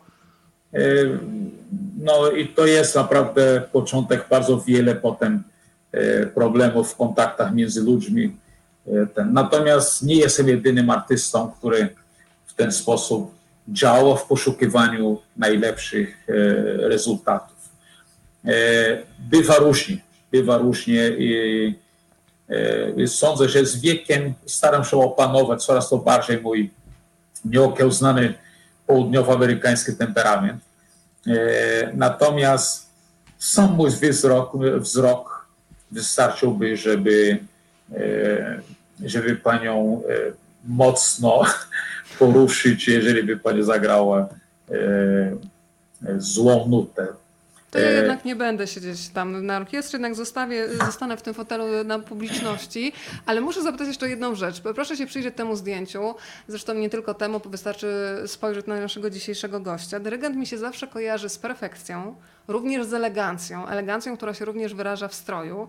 E, I przepraszam za takie codzienne pytanie, ale ludzie się składają właśnie z wielkiego talentu, e, ze swojej pracy zawodowej, ale też z drobnostek, śmiesznostek. Gdybyśmy otworzyli szafę pana dyrektora, ja podejrzewam, że tam jest wszystko ładnie wyprasowane, mm, poukładane w kosteczkę i nawet kolorami. Czy to są przypuszczenia, yy, nadinterpretuję, czy, czy to jest zgodne z prawdą? Muszę powiedzieć, że e, to jest absolutnie zgodne z prawdą. Nie mogę zasnąć, jeżeli jest e, skarpetka na środku pokoju. E, moja, naprawdę jakbym pokazał pani, gdyby wiedział, to bym zrobił zdjęcie, żeby pani pokazała jak wyglądają moje koszule. Ja mam mnóstwo tych koszul, bo używam po trzy koszule na każdej próbie, które miewam podwójnie dziennie. E, e, wszystko jest naprawdę jak najbardziej e, zorganizowane. Prawda? Ja pamiętam sytuację, w którym po koncercie w Izraelu e, pojechałem do moich znajomych e, i przenosowałem u nich. Czyli w walizce miałem już wszystko, co użyłem przez ten tydzień prób, e, e, brudne rzeczy, prawda? Oni mi dali mój pokój gościnny, pokój gościnny, w którym miałem tam się zatrzymać, a ja na łóżko otworzyłem szybko walizkę w obecności gospodyni tego domu. Jej mama była w tym czasie w domu. Ona po prostu na widok mojej walizki e, jeden dzień przed odlotem z kraju zawołała, mamo, przyjdź tu natychmiast. Prawda? Mama przyszła i ona powiedziała, mamo, patrz, tak wygląda jego walizkę. W ogóle Zjawisko. rzeczy dzień przed wjazdem. To nie jest dzień po przyjeździe. Rzeczywiście, kiedy jestem w podróży, e, e, nawet używane brudne koszule kładę w kostki do takiej walizki, żeby wyjechać. Tak? E, wszystko. Ja, ja w ogóle myślę, że człowiek albo jest utalentowany, albo nie ma talentu. Nie ma osoby utalentowanej do tego i nie do tamtego. Nie ma osoby dobrej do tego i niedobrej do tamtego. Tak? Nie ma osoby kochającym tym osobom i nie kochającym tym osobom. Się kocha, bo się nie kocha.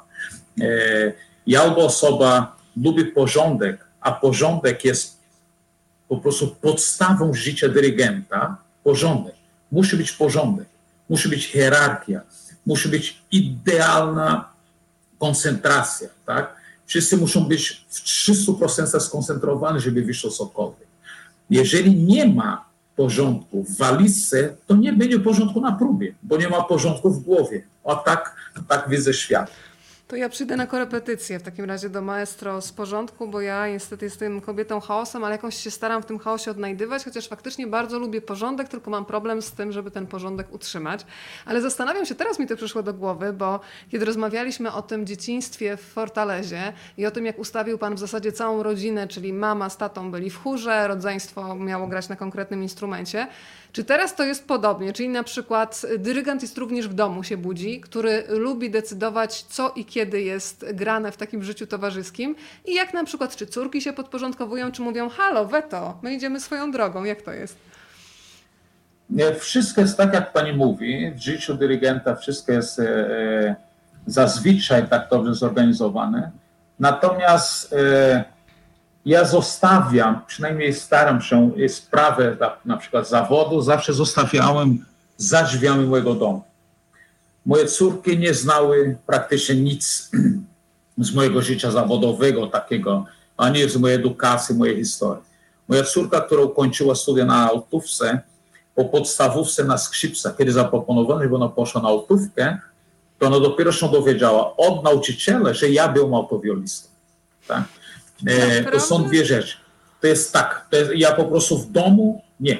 W domu nie ma nic, nie ma, nie ma żadnego takiego tego. Natomiast charakter dyrygenta, e, dyrygentura jest, że tak powiem, e, e, sposobem życia, nie jest tylko zawodem, więc to, to akurat to tutaj. Natomiast trzeba tutaj e, nawias tutaj e, zrobić. Kiedy wszystkie orkiestry świata e, często poważnie mnie bały, moje córki po prostu i do dzisiaj tak jest, ze mną robiły i robią co chcą. Tak?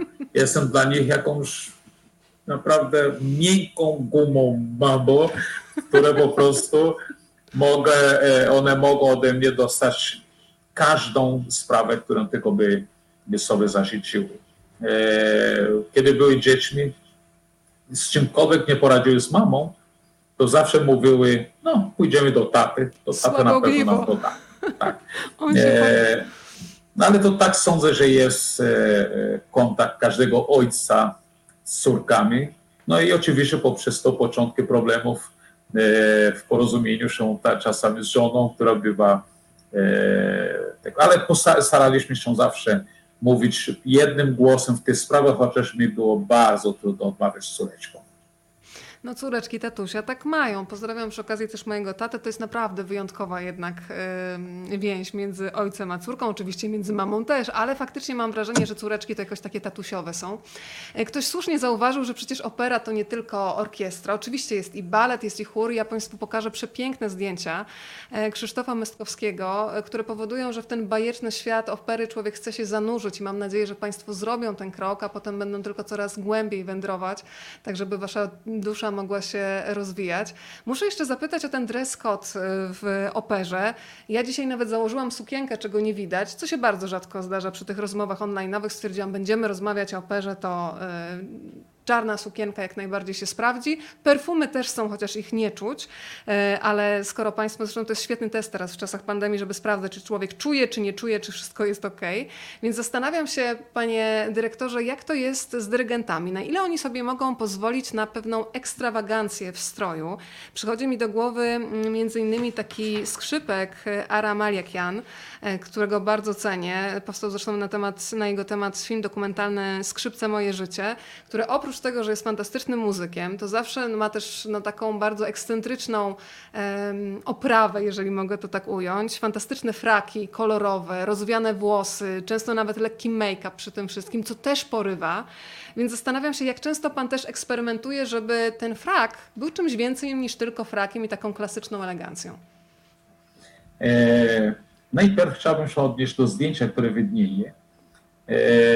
I zaraz wrócimy do ubioru. Tutaj mamy do czynienia w ogóle ze zdjęciem e, fragmentu, najbardziej znanego fragmentu e, baletu Giselle.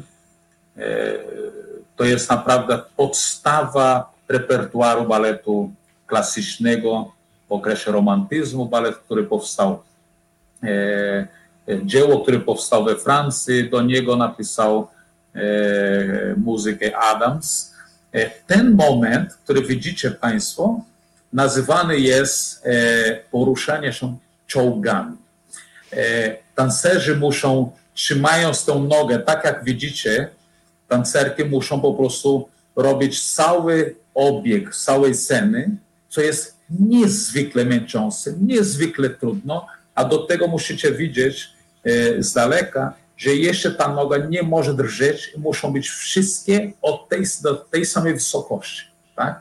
To nie są nieprawdopodobnie trudna e, chwila, bardzo rozpoznawalna z baletu e, Giselle na całym świecie. W drugim akcie ta scena e, we wszystkich teatrach świata wygląda dokładnie tak samo, o ile jest to reprodukcja oryginalnej choreografii zrobionej jeszcze naprawdę już wiele, wiele, wiele wieków temu. Muszę powiedzieć tak, ja od początku mojego, mojego, mojej kariery dyrygenckiej e, używałem frak jako frak w ogóle do, do pewnych e, momentów, e, do pewnych, pewnych sytuacji, ale szukałem już e, innych, innych ubrań. Coś, co mnie akurat bardzo wyróżniało w ogóle spośród dyrygentów e, e, w swoim czasie.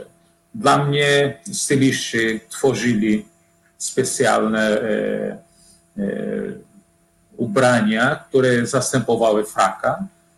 Prawda? Używam też i fraki i, e, i smokingi, często w ogóle z, z różnymi koszulami w środku, o różnych pasach.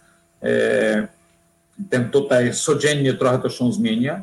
Natomiast jednocześnie nieraz w ogóle, i to mam właśnie w tym zdjęciu z przewrotu w ogóle podczas koncertu e, z Orkiestrą Opery Bałtyckiej, akurat używam e, ubrania, którego sam e, narysowałem, zaprojektowałem, łącznie w ogóle cała, całe spodnie w ogóle jak i góra, ale też koszula i e, szczególny rodzaj, że tak powiem, takiej osobistej muszki.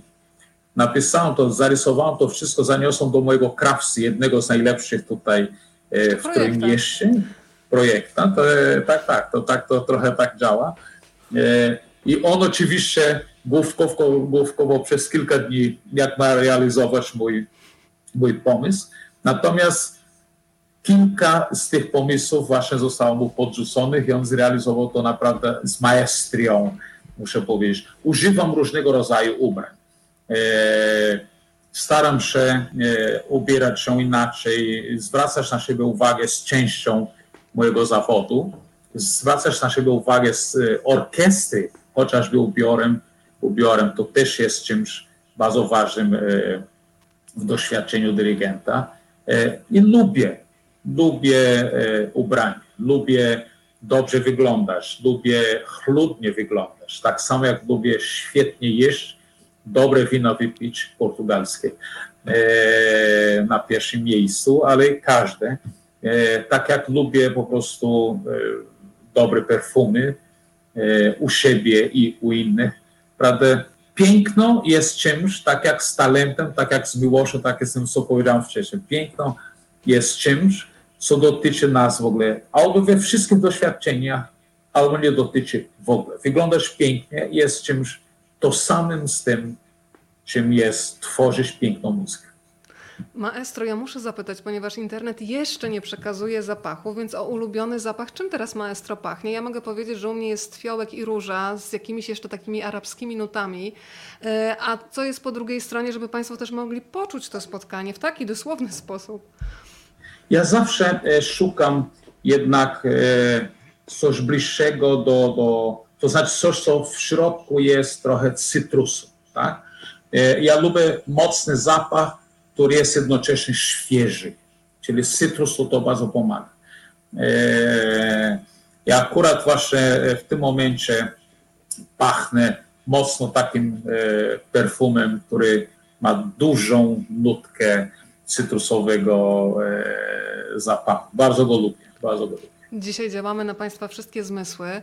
E, Maestro wspominał Giselle. E, Ja tylko przypomnę, że Czajkowski nazwał Giselle poetycką, muzyczną, choreograficzną perełką i to się wszystko nam tutaj zgadza. Jeżeli Państwo by chcieli zobaczyć Giselle w Operze Bałtyckiej, to zapraszamy w marcu 19, 20 i 21 według tego świeżutkiego repertuaru, który Państwo niedawno ogłosili.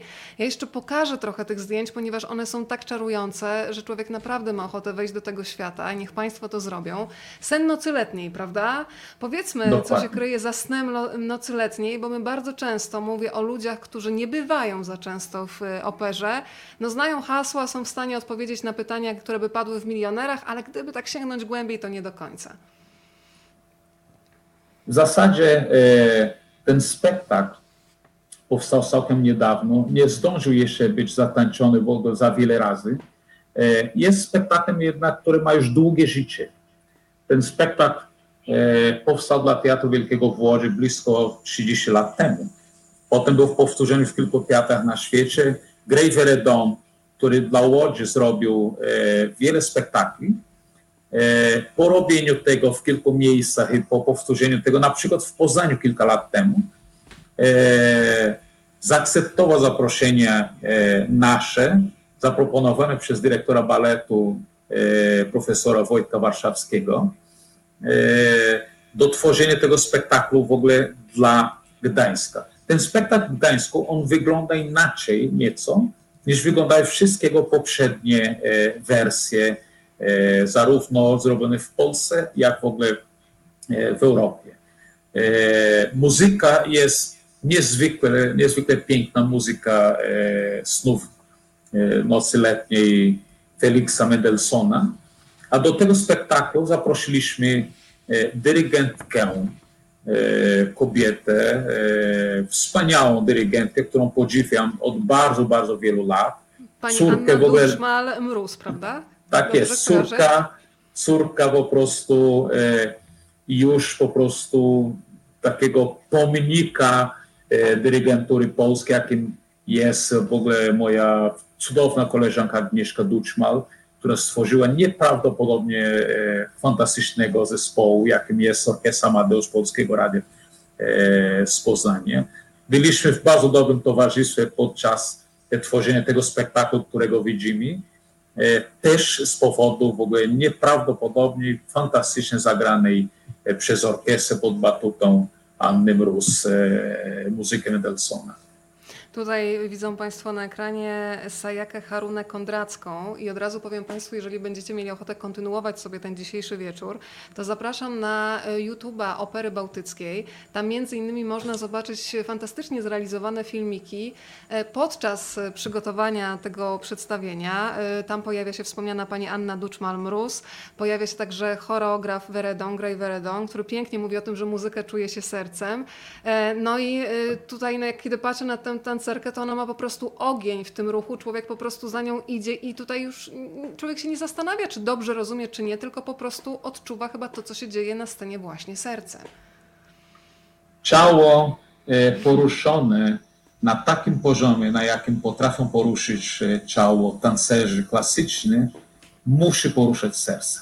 dlatego że ta ekspresja, ona trafia moim zdaniem głębiej niż ekspresja e, słowa. Państwo piszą, że przesyłają zachwyt z Łodzi również. Z wielu różnych miejsc Państwo zachwyty y, przesyłają. Zdjęcia Krzysztofa Mestkowskiego, jeżeli chodzi o zdjęcia artystów Opery Bałtyckiej, y, też wielki ukłon w stronę tego artysty, bo żeby zamknąć w kadrze piękno, to też wymaga ogromnych umiejętności. Panie dyrektorze, porozmawiajmy też trochę o takiej operze dla dzieci. Y, I tutaj niech nam się pojawi wehikuł czasu, który też można oglądać w Operze Bałtyckiej. Wehikuł czasu, co się kryje za tą opowieścią? Przede wszystkim, kiedy szukaliśmy, e, musimy mieć tytuł dla dziecka też na dużej scenie. My jako teatr prowadzimy szeroką e, działalność edukacyjną. Tym się zajmują konkretne osoby poza pionem czysto artystycznym, e, gdzie produkowane są spotkania w ogóle z widzami nawet w wieku przedszkolnym, wczesnodziecięcym i potem dorosłym. Natomiast to się dzieje obok naszej działalności codziennej i wieczornej. Tak? Jednak to trzeba, trzeba myśleć o, o takim wieczorze, o takim tytule, który przyciągnie i pokaże operę e, najmłodszym albo w ogóle młodszym. Tak? Żeby coś takiego zaproponować w dzisiejszych czasach młodym człowiekowi, młodemu człowiekowi, to trzeba mieć pomysł, bo naprawdę spektakl teatralny czy operowy, który e, w ciągu 10 minut oni zobaczą zaledwie kilka efektów, e, stoi na przegranej w ogóle z pierwszym z brzegu Matrixem, gdzie podczas jednej minuty on ma milion efektów komputerowych. Tak? Do tego Matrixa on jest przygotowany, on jest przyzwyczajony na co dzień. Tak? On, ten Matrix ma u siebie w telefonie komórkowym na co dzień. Jeżeli przyjdzie do opery, to musimy e, potrafić w ogóle zaserwować mu coś, co przypomina mu życie świata, w którym on żyje wokół. Okazało się akurat, że zaprzyjaźniony z nami e, artysta, e, pianista, korepetytor i dyrygent Francesco Bottigliero złożył jako dzieło na konkursie ministerstwa e, właśnie kilka początkowych scen opery dziecięcej, które on nie jest operą dziecięcą, e, on nazywa to, to nieco inaczej, wehikuł czasu. Historia e, pasująca do naszych czasów w ogóle, a specja- specjalnie do czasów pandemicznych, e, w którym e, osoba z otoczenia bohaterów zachoruje, e, śmiertelnie choruje, a jedynym ratunkiem dla niego byłoby przenieść się w czasie do, do przyszłości, po to, żeby stamtąd przynieść e, e, lekarstwo ratujące życie temu e, człowiekowi. Także to jest właśnie takie dzieło, on jest e, e, bardzo ruchliwy, on jest bardzo kolorowy, on jest bardzo żywy, w żadnym momencie nie jest naiwnym i w żadnym momencie nie jest uproszczeniem. A muzyka jest cały czas piękna, ale jednocześnie z muzyką wywołującą nie tylko emocje, ale wywołującą myśli. Osoba musi, musi jednak wiele z tego zrozumieć, e, starać się ogóle e, ją zrozumieć, żeby, żeby ją przeżyć. Pięknie zinstrumentowana, dzieło naprawdę bardzo dobrze napisane. Premierę poprowadził e, sam kompozytor. Najbliższe spektakle, które będą miały miejsce, mam nadzieję, e, w styczniu, W styczniu. poprowadzi asystentka, jego asystentka dyrygentka, moja pierwsza magistrantka, e, absolwentka Akademii Muzycznej e, w Poznaniu, młoda dyrygentka Marta Kaca. Warto też powiedzieć, że reżyser tego przedstawienia ma fantastyczne nazwisko Tomasz Mann, prawda? Od razu się skojarzenia e, literackie e, pojawiają w głowie. Tak jak powiedział maestro, wehikuł czasu 16-17 stycznia, potem będą jeszcze odsłony czerwcowe zgodnie z zapowiedziami. Kiedy pojawiły się te wątki muzyczne, to przypomniało mi się, panie dyrektorze, rozmowa, którą przeprowadziłam niedawno z Wojciechem Mikołuszką, który napisał książkę dla dzieci. Tam wspominał innymi o Klarny Ciście, Davidzie Rottenbergu, który miesza muzykę z odgłosami zwierząt na przykład, e, a tam jest nawet powstała taka płyta Back Music, czyli dźwięki tak naprawdę robali, muzyka robali. Zastanawiam się, jakie jest Pana podejście do tego, żeby do tej muzyki, która jest zamknięta w przestrzeni na przykład opery bałtyckiej, od czasu do czasu wpuścić właśnie taką naturę w postaci nagranych dźwięków e, ze świata. My możemy robić wszystko, co jest tylko e, ujęte e, na stronach partytury, jest wolą kompozytora. Tak? E, muzykę, w którym różnego rodzaju jednocześnie z muzyką graną przez, przez muzyków orkiestry, śpiewaną przez łużystów, pojawiają się jednocześnie różnego rodzaju e, obcych dźwięków, e, w ogóle puszczane w ogóle e, z aparatury elektronicznej na przykład. W muzyce najnowszej jest bardzo dużo i miałam szansę bardzo wiele takich eksperymentów dokonać, prowadząc koncerty podczas e, festiwali prawie konań warszawskiej Szeni, czy takie różne, e, różne wydarzenia. Ja nie mam nic przeciwko temu. Ja mam przeciwko temu raczej, e, bo sądzę, że nie mieści się e, z mieszaniem na siłę dodatkowych e, efektów, kiedy brzmi jednocześnie muzyka Ludwiga van Beethovena, czy Wolfganga Amadeusza Mozarta, Giuseppe Verdiego, Piotra Czajkowskiego. E, te dzieła sztuki są e, dziełami, przed którymi człowiek naprawdę powinien nieraz paść w ogóle na kolana i dziękować Bogu, że może ich słuchać i przeżywać. Nie ma powodu, żeby czymś innym, nawet najpiękniejszymi e, dźwiękami natury, które są muzyką, tak? dźwięki natury, wiatr poruszający liści, e, śpiew ptaków, w ogóle poruszanie się każdego zwierzęcia, to wszystko jest muzyką. Ja jestem zdania, że ten pierwszy wielki wybuch, który wywołał, powołał do życia e, uniwersum, i który jest e, uznany jako e, głos samego Boga, który tworzy w ten sposób e, świat, to on brzmiał muzyką. Że w ogóle świat został stworzony przez Boga śpiewem, a nie mówieniem. A że nawet mówieniem już jest muzyką. To zaprośmy jeszcze na e, pod koniec tego roku, myślę o sylwestrowym koncercie, który też będzie w bardzo konkretnych rytmach. Jak się człowiek przygotowuje do takiego zamknięcia roku, gdzie te dźwięki będą nas otaczały i okazuje się, że można się nawet roztańczyć, siedząc sobie u siebie w domu, e, włączając streaming opery bałtyckiej i znowu się zanurzyć w dźwiękach. Jakich w tym roku?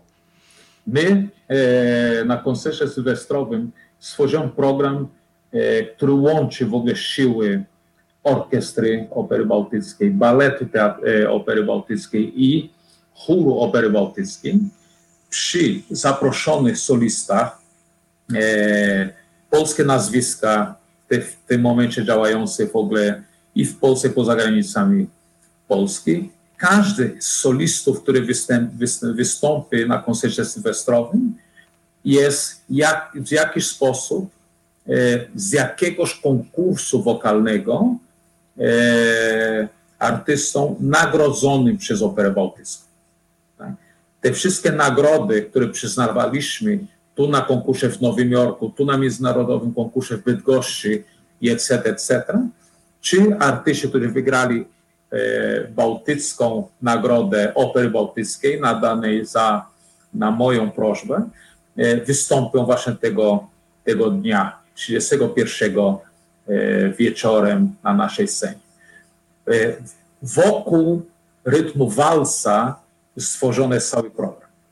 My zaczniemy w ogóle od uwertury do Zemsty Nietoperza, gdzie końcówka e, i podwójnie, wasze podwójnie się pojawia jeden z najcudowniejszych, najfantastyczniejszych walców e, literatury operetkowej ever.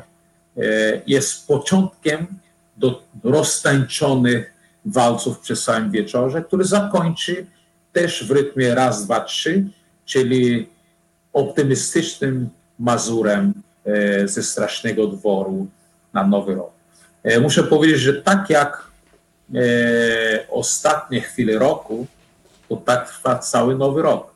Czyli jeżeli zatańczone będzie walcem wieczór 31, to Państwo będziecie mieli szansę na to, żeby roztańczeni po prostu przeżyć każdego dnia nowego roku. Namawiam i zapraszam. No już widzę, że panie się tutaj zgłaszają, że już wiedzą, jak spędzić w takim razie sylwestrowy wieczór. Bardzo się cieszę. E, Maestro, mam nadzieję, że maestro mnie za chwilę nie spiorunuje wzrokiem, bo ja właśnie zerknęłam, że rozmawiamy godzinę 40 już prawie. E, Nie kontrolowałam tego, więc rozumiem, że mam, mam już dobijać do brzegu, prawda, w tej rozmowie. Mnie się wydaje, e, wie Pani, dla Pani zarezerwowałem ten wieczór. E, Proszę, proszę teraz nim dysponować do woli. Drodzy Państwo, to Państwo dają znać, czy Państwo są już w piżamach w ogóle, w jakich strojach nas oglądacie i jeżeli jesteście, macie w sobie jeszcze ciekawość, to proszę ją uruchamiać. Jest pozwolenie od maestro, żeby kontynuować, a ja uważam, że dobra rozmowa powinna mieć właśnie czas i przestrzeń, żeby wybrzmieć, szczególnie w czasach, kiedy wszystko ma trwać minutę, trzy, cztery. Mamy czas, możemy rozmawiać. To mm, maestro, ja bym bardzo chciała, żebyśmy jeszcze zaprosili na spektakl.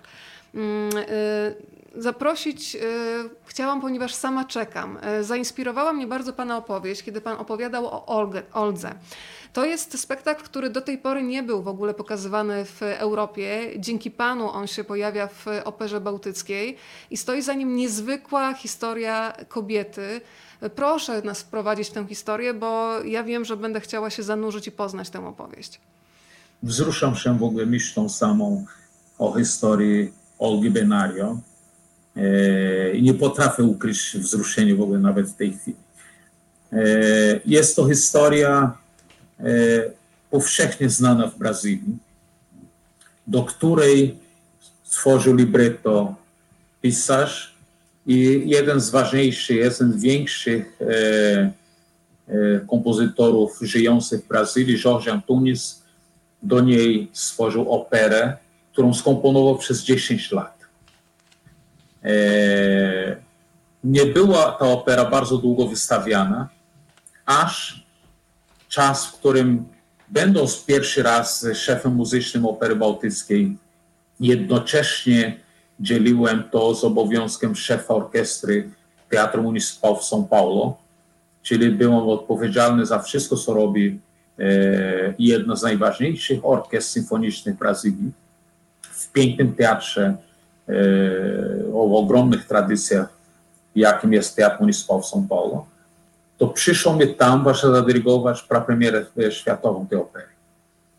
Kiedy e, zostałem zaproszony do rozmów na temat ponownego objęcia Opery Bałtyckiej przez władze wojewódzkie za sprawą, e, za sprawą e, przyszłego wtedy dyrektora naczelnego opery Romualda e, Pokojskiego, to uznaliśmy, że musimy coś zrobić, żeby najpierw się poznać. Tak? Że najlepiej byłoby naprawdę się udać gdzieś, e, spędzić jakiś e, czas razem. E, I wybraliśmy się z naszymi żonami do fantastycznego miejsca, którego polecam wszystkim, Muzeum Tradycji Szlacheckiej. Rzućcie to hasło w internet i poznajecie w ogóle, e, poznajecie wtedy miejsce naprawdę wart poznania, e, prowadzone przez człowieka, który jest też żyjącą pasją, znającą wszystko na temat tradycji szlacheckiej. Tam spędziliśmy kilka dni w rozmowie, żeby zobaczyć, zobaczyć czy, czy jesteśmy w stanie się dotrzeć, tak? Bo ciężko jest w ogóle prowadzić instytucję w ogóle, a prowadzić instytucję z kimś, z kim się nie porozumiesz, to jest niemożliwe. Wtedy na jednym, w jednym z tych momentów Romuald Pokojski mówi, może jest coś brazylijskiego, czego byś chciał pokazać. Ja mówię, nie, nie jest niczego brazylijskiego, czego bym chciał pokazać, że wolałbym jednak zrobić coś bardzo polskiego, który Polacy totalnie nie znają, tak? E, nie, ale coś brazylijskiego i tak dalej, i tak dalej. Ja rzuciłem wtedy e, hasło Olga i powiedziałem Pokojskiemu, to jest na, na YouTubie. Możesz to oglądać, bo moja realizacja w São Paulo, São Paulo jest e, nagrana i dalej jest e, do oglądania. E, następnego dnia e, rano przy śniadaniu Pokojski miał e, że tak powiem, ciężkie oczy. On po prostu oglądał tę operę w nocy i powiedział, że tak, on, on by chciał coś takiego, on by chciał takiego rodzaju teatru mieć u siebie. To jest właśnie rodzaj teatru, który mnie odpowiada osobiście. Olga e, jest fragmentem e, historii Brazylii, e, poprzedzającej się czasy II wojny światowej, gdzie wszędzie na świecie powstawały dyktatury, tak, tak, tak jak dochodzi do w ogóle wszędzie autorytarne rządy mają głos. Wtedy była najpierw był najpierw w ogóle siłą zdobyta władza przez Getúlio Vargas, a potem odsunięto go i naród go wybrał tak, na, na prezydenta. Getúlio Vargas, wracając do, do, do władzy, rozprawił się ze swoimi przeciwnikami politycznymi i wyrzucił z kraju, skazał na banicję e, bardzo wiele z nich. Jeden z nich, Luis Carlos Prestes, e, był z przekonania, do końca życia był z przekonania e, komunistą, udał się do Rosji. Mieszkał jako, prawda, mieszkał w Moskwie, a w Rosji trenowano go, przygotowano go do tego, żeby on wrócił do Brazylii i poprowadził w końcu rewoltę, która by, by, by ustanowiła komunizm jako system polityczny w kraju. Plan był cały zatwierdzony. On miał mieć żonę. Do niego doklejono Olgę. Olga była Niemką, która była poszukiwana już za czasów Hitlera za to, że z bronią w ręku wzięła, to jest właśnie scena z Olgi opery bałtyckiej, z postacią Olgi tuż przed momentem zakończenia opery. Opowiem wam szybko ten. Olga została też trenowana wraz z Luis Carlos do tego, by, by udawali małżeństwa. Prawda, mieli podróżować statkiem bardzo długo, żeby tropy zostały e, zagubione, żeby nikt nie łączył ich postać z Moskwą. Mieliby mieć wiele fałszywych paszportów e, i dotrzeć do Brazylii, gdzie e, grupa ludzi czekała na, na, na Luis Carlos Prestes, żeby on poprowadził, doprowadził do, do, do rewolucji. E, przygotował wszystko. Przez ten czas on był bardzo zajęty, tak samo jak przez całe życie, swoimi ideałami, swoimi problemami. Nie zauważył, że Olga zaczyna się w nim zakochać. Oni udawali małżeństwa, a Olga się, się jakoś e, zakochała, a on już trochę mniej albo w ogóle. Dotarli do Brazylii, zorganizowali wszystko, wszystko miało być, wszystko miało być, ale nie jest to tak proste doprowadzić do rewolucji w kraju o rozmiarach kontynentalnych. W jednym miejscu to wybucha, w drugim to paraliżuje, w trzecim nie, w czwartym daje odwrót. Wszystko e, padło, nic się nie udało. E, władza uwięziła wszystkich, którzy brali czynny udział w przygotowaniu, w tym i Luis Carlos Prestes, w tym i Olga. Z większością z nich rozprawili się w więzieniu.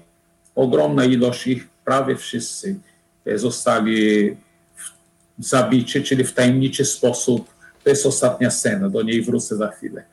W tajemniczy sposób znikali, prawda? tak jak bywa z każdą dyktaturą. Luis Carlos Prestes trafia do więzienia i władza odkrywa za sprawą informacji brazylijskiego ambasadora w Berlinie, blisko, który był blisko władzy Hitlera, że Olga Benario jest Żydówką. Wtedy e, Getúlio Vargas, prezydent Brazylii, za sprawą swojej policji politycznej, oddaje Olgę e, Niemcom, tak? a podczas podróży Olga dowiaduje się, że jest w ciąży.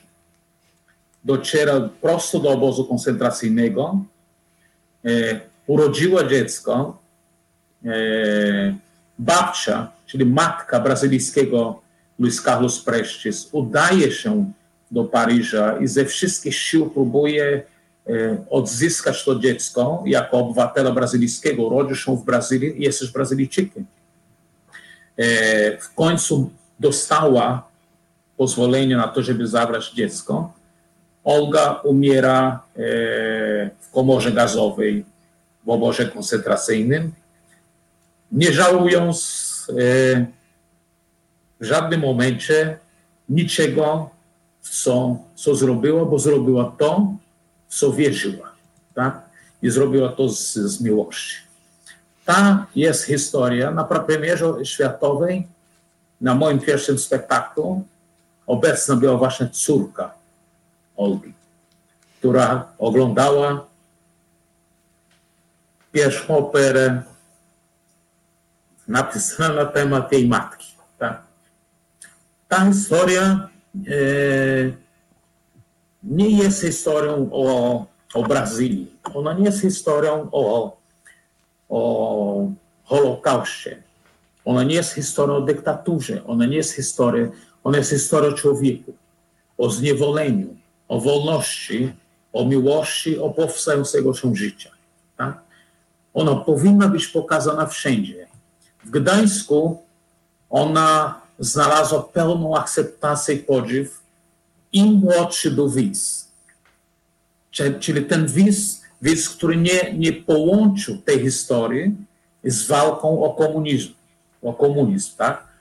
Ten widz, który połączył tę historię wyłącz, wyłącznie z walką o życie. E, pamiętam córka jednej z naszych solistek, e, która miała 14 lat, ma 14 lat.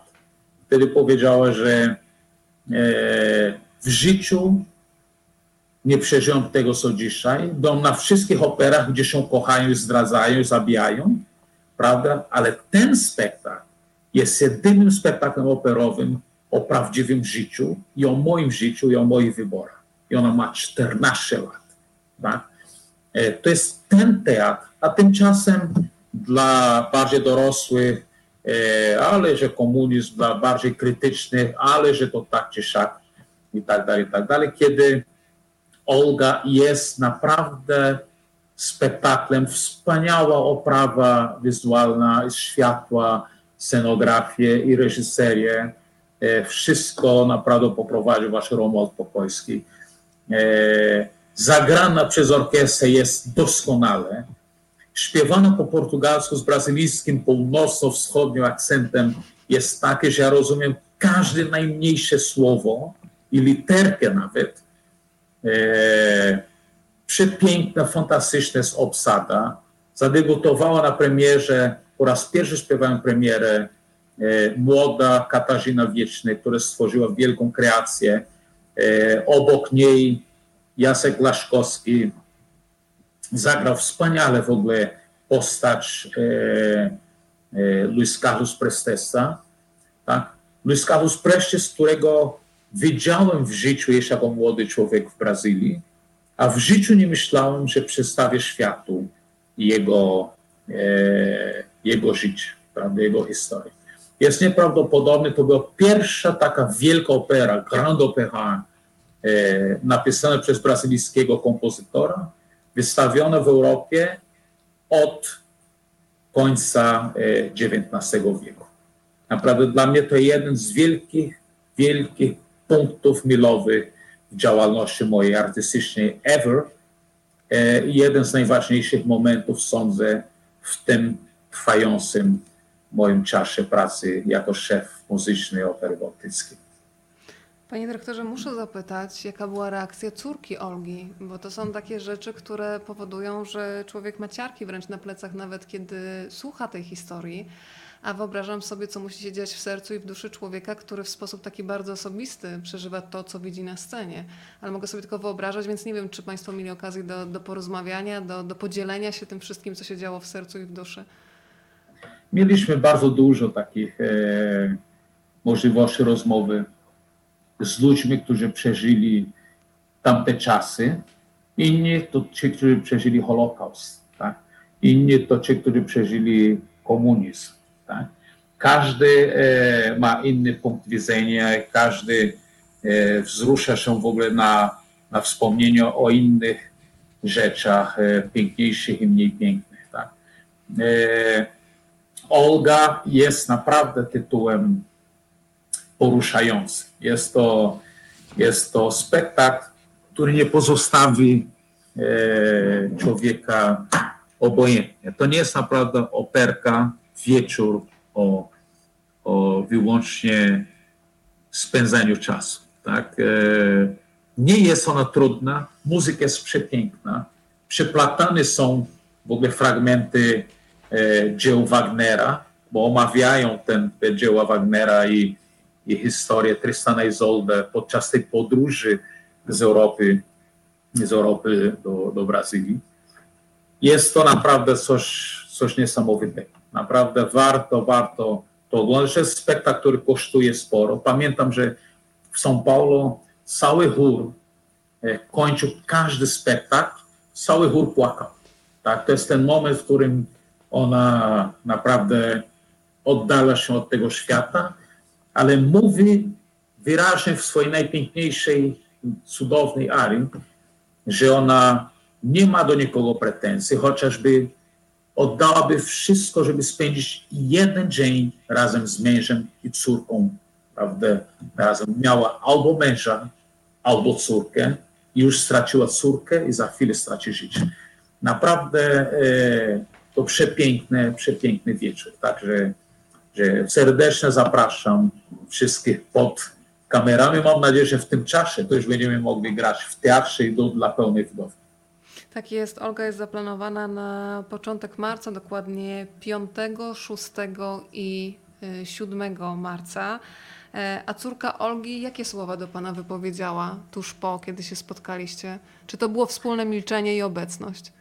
Oczywiście, że e, na temat historii Olgi, tych, e, tych faktów historii Brazylii, napisano już książkę.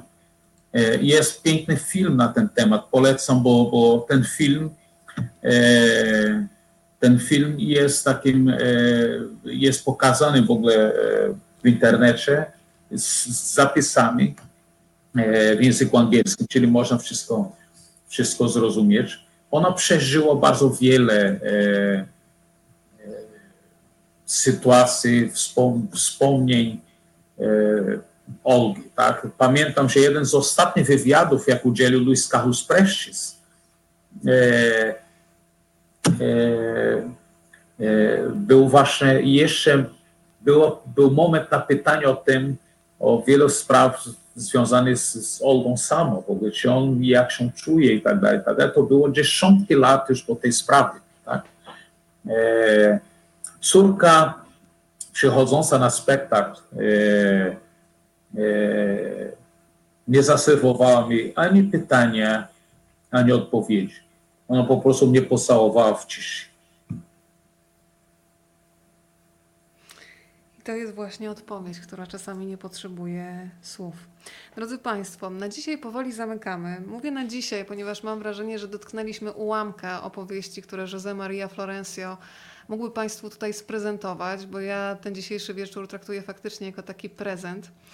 E, Muszę Państwu powiedzieć, że na przykład nie poruszyliśmy jeszcze kompletnie tematu Moskiewskiego Konserwatorium, w którym José Maria Florencio został zaproszony na jako jedyny muzyk e, z Polski, bo przecież obywatelstwo polskie też jest do poprowadzenia mm, kursów mistrzowskich. Kompletnie nie powiedzieliśmy o tym wątku jeszcze wiedeńskim, o całej masie e, instytucji, którym Pan miał e, szansę przewodzić, więc tych tematów zostało mnóstwo, tak samo jak e, funkcja konsula honorowego Brazylii.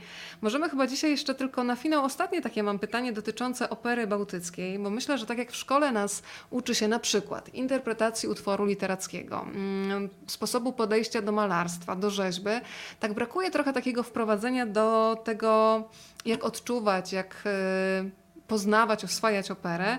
Gdyby mógł Pan polecić dla tych początkujących, którzy chcieliby na dzień dobry zmierzyć się z takim dziełem, które ich może nie odstraszy, które będzie mm, jakoś łatwiej wchodzić pod skórę, to od czego powinni zacząć przygodę w przypadku opery bałtyckiej? Dwa polecenia dla tych, którzy chcieliby zobaczyć balet, dla tych, którzy chcieliby posłuchać e, orkiestry. Co możemy polecić? Mnie się wydaje, że, e, że nie sposób przewidzieć, co trafi do kogo. Tak? Jeżeli e, ktoś jest dorosły i, i nie przeżył dobrze, e, nie utożsamiał się w ogóle oglądając e, Olgę, a 14-letnie dziecko, i to bardzo wiele takich młodych ludzi e, bardzo mocno z operą się połączył za sprawą właśnie takiego trudnego utworu, to trudno jest powiedzieć, na co zaprosić. Naprawdę to, co my roz, robimy, to jest zadbać o to, żeby każdy spektakl był możliwy jak najlepszy. I sądzę, że e, ta troska trafi do osoby, jeżeli ona nawet trafi e, nie do tytułu, a, a, ale do miejsca, prawda? Idąc do opery, nie wiedząc na co totalnie iść. Osoba, która przyjdzie do opery i raz zobaczy właśnie tę Japonkę tańczącą, to sądzę, że będzie chciał wracać, żeby ją zobaczyć na każdym spektaklu, poza następnych tancerzy i będzie chciał ich też zobaczyć. Osoba, która przyjdzie do opery i nagle e, e, zachwyci się głosem, e, pięknym głosem konkretnego tenora, będzie chciał naprawdę e, go zobaczyć na nowo, będzie miał go za swego bohatera i pozna kolejnych głosów, do których też będzie chciał e, wracać. Ja mam takich widzów w Operze Bałtyckiej, które tyle spektakli dyrygowałem, ich widziałem w pierwszym rzędzie. Myślę, że te osoby kiedyś przyszły do opery, mówiąc, co ja tu w ogóle robię, i okazuje się, że nigdy więcej jej nie opuści. Dajcie ja sobie szansę. Dajcie losowi szansę, to prawda. Ja dzisiaj nawet dowiedziałam się od koleżanki, że kiedyś podczas występu otrzymała od pana bukiet kwiatów, ponieważ siedziała w pierwszym rzędzie, więc i takie niespodzianki się e, zdarzają. Zapraszam nie Państwa. wiedziałam, że to pani koleżanka. E, e, A ja nie wiedziałam, tak. że wy się znacie w pewnym stopniu, bo to, to, to, już brzmiało jak jakaś taka znajomość. Zresztą państwo Nigdy dziękują... więcej nie widziałem, ale kwiat ode mnie dostała, tak. To prawda, to, to jest czarujące wspomnienie. Operabałtycka.pl to jest strona, na której państwo znajdą cały repertuar bo jeszcze mogę spokojnie wspomnieć na przykład o tym, że będzie trawiata w czerwcu, będzie straszny dwór, a więc Moniuszko wybrzmi. To będzie już w kwietniu. Cała masa informacji do znalezienia i przypominam dla tych, którzy chcą jeszcze wejść głębiej w ten obraz, YouTube Opery Bałtyckiej, tam jest y, bardzo dużo fantastycznie zrealizowanych y, filmów, które pozwolą Państwu poznać artystów i tak jak dzisiaj Państwo piszą, dziękuję za możliwość poznania Pana Józe, to już takie mam wrażenie, maestro, że będą ludzie przychodzić po prostu jak y, do siebie. Nie będę mówić nawet idę do opery bałtyckiej w Gdańsku, tylko idę do José. To to jest dobre podejście, takie oswojone? Tam pracuje e, e, wiele dziesiąt osób i każdy z nich ma jakoś na imię. Przychodźcie do nas. To my po prostu wszyscy, prawda, wszyscy, od naprawdę niewidocznej e, garderobiany, prawda, poprzez mniej, czasami rzadko widoczne w ogóle techników e, sceny, poprzez czasami niewidoczne orkiestry siedzące w kanale, e, a teraz widoczne, bo, bo pandemia od nas to wymaga, prawda? Poprzez wszystkich, którzy ta, pracują nad, nad tym, żeby to wszystko się odbyło, czyli nasze kasjerki, bileterki, hostesy, e, wszystkie osoby, które nas promują i nie są widoczne, prawda? Poprzez jest cały tabun tłum ludzi, każdy z nich ma twarz, każdy z nich ma twarz i każdy z nich ma imię. E, wyobraźcie sobie jakiegokolwiek imiona, to na pewno taka osoba jest e, pracownikiem, artystą Opery Bałtyckiej. Ta osoba jest osobą, która pracuje dla Was i Was zaprasza osobiście. Ci, którzy będą chcieli chodzić na Jose, to proszę tylko, żebyście naprawdę ogłosili, zgłosili potem do mnie, bo chcę wiedzieć, z kim rozmawiałem, dla kogo zagrałem i chcę wiedzieć, jak się nazywa osoba, która staje się moim bliskim przyjacielem i skoro dzieli ze mną tego, co ja mam dla niego najważniejsze do zaoferowania. To prawda, trzeba wiedzieć, z kim się spędziło wieczór, a nawet już mogłabym powiedzieć, że w zasadzie w noc jakoś tutaj wparowaliśmy. E, Muszę Państwu powiedzieć, e, że zamarzyło mi się coś, żebyśmy faktycznie regularnie się spotykali i rozmawiali z kostiumografami, scenografami, ludźmi, którzy pracują w garderobie, żeby ta opera miała właśnie konkretną twarz, głos i imię, więc ja rzucam w przestrzeń tutaj ten pomysł. Być może ktoś e, podchwyci. Zapraszam też e, z całego serca na kolejne spotkania, które przed nami. Jutro przykładowo będziemy rozmawiać o współczesnej literaturze rosyjskiej, będziemy udowadniać, że to jest nie tylko literatura brodatych mężczyzn. Otworzymy wspólnie książkę Dziewięć opowiadań z obłędem w tle. Polina Justowa i Janek German będą razem z nami. A w piątek zapraszam też maestro na nasze spotkania, Chris Nidental, czyli fotograf, fotoreporter.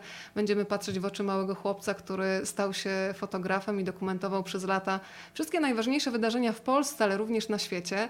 Ale żegnając się dzisiaj, poproszę jeszcze o taki dźwięk codzienności, który uszy dyrektora Opery Bałtyckiej bardzo lubią.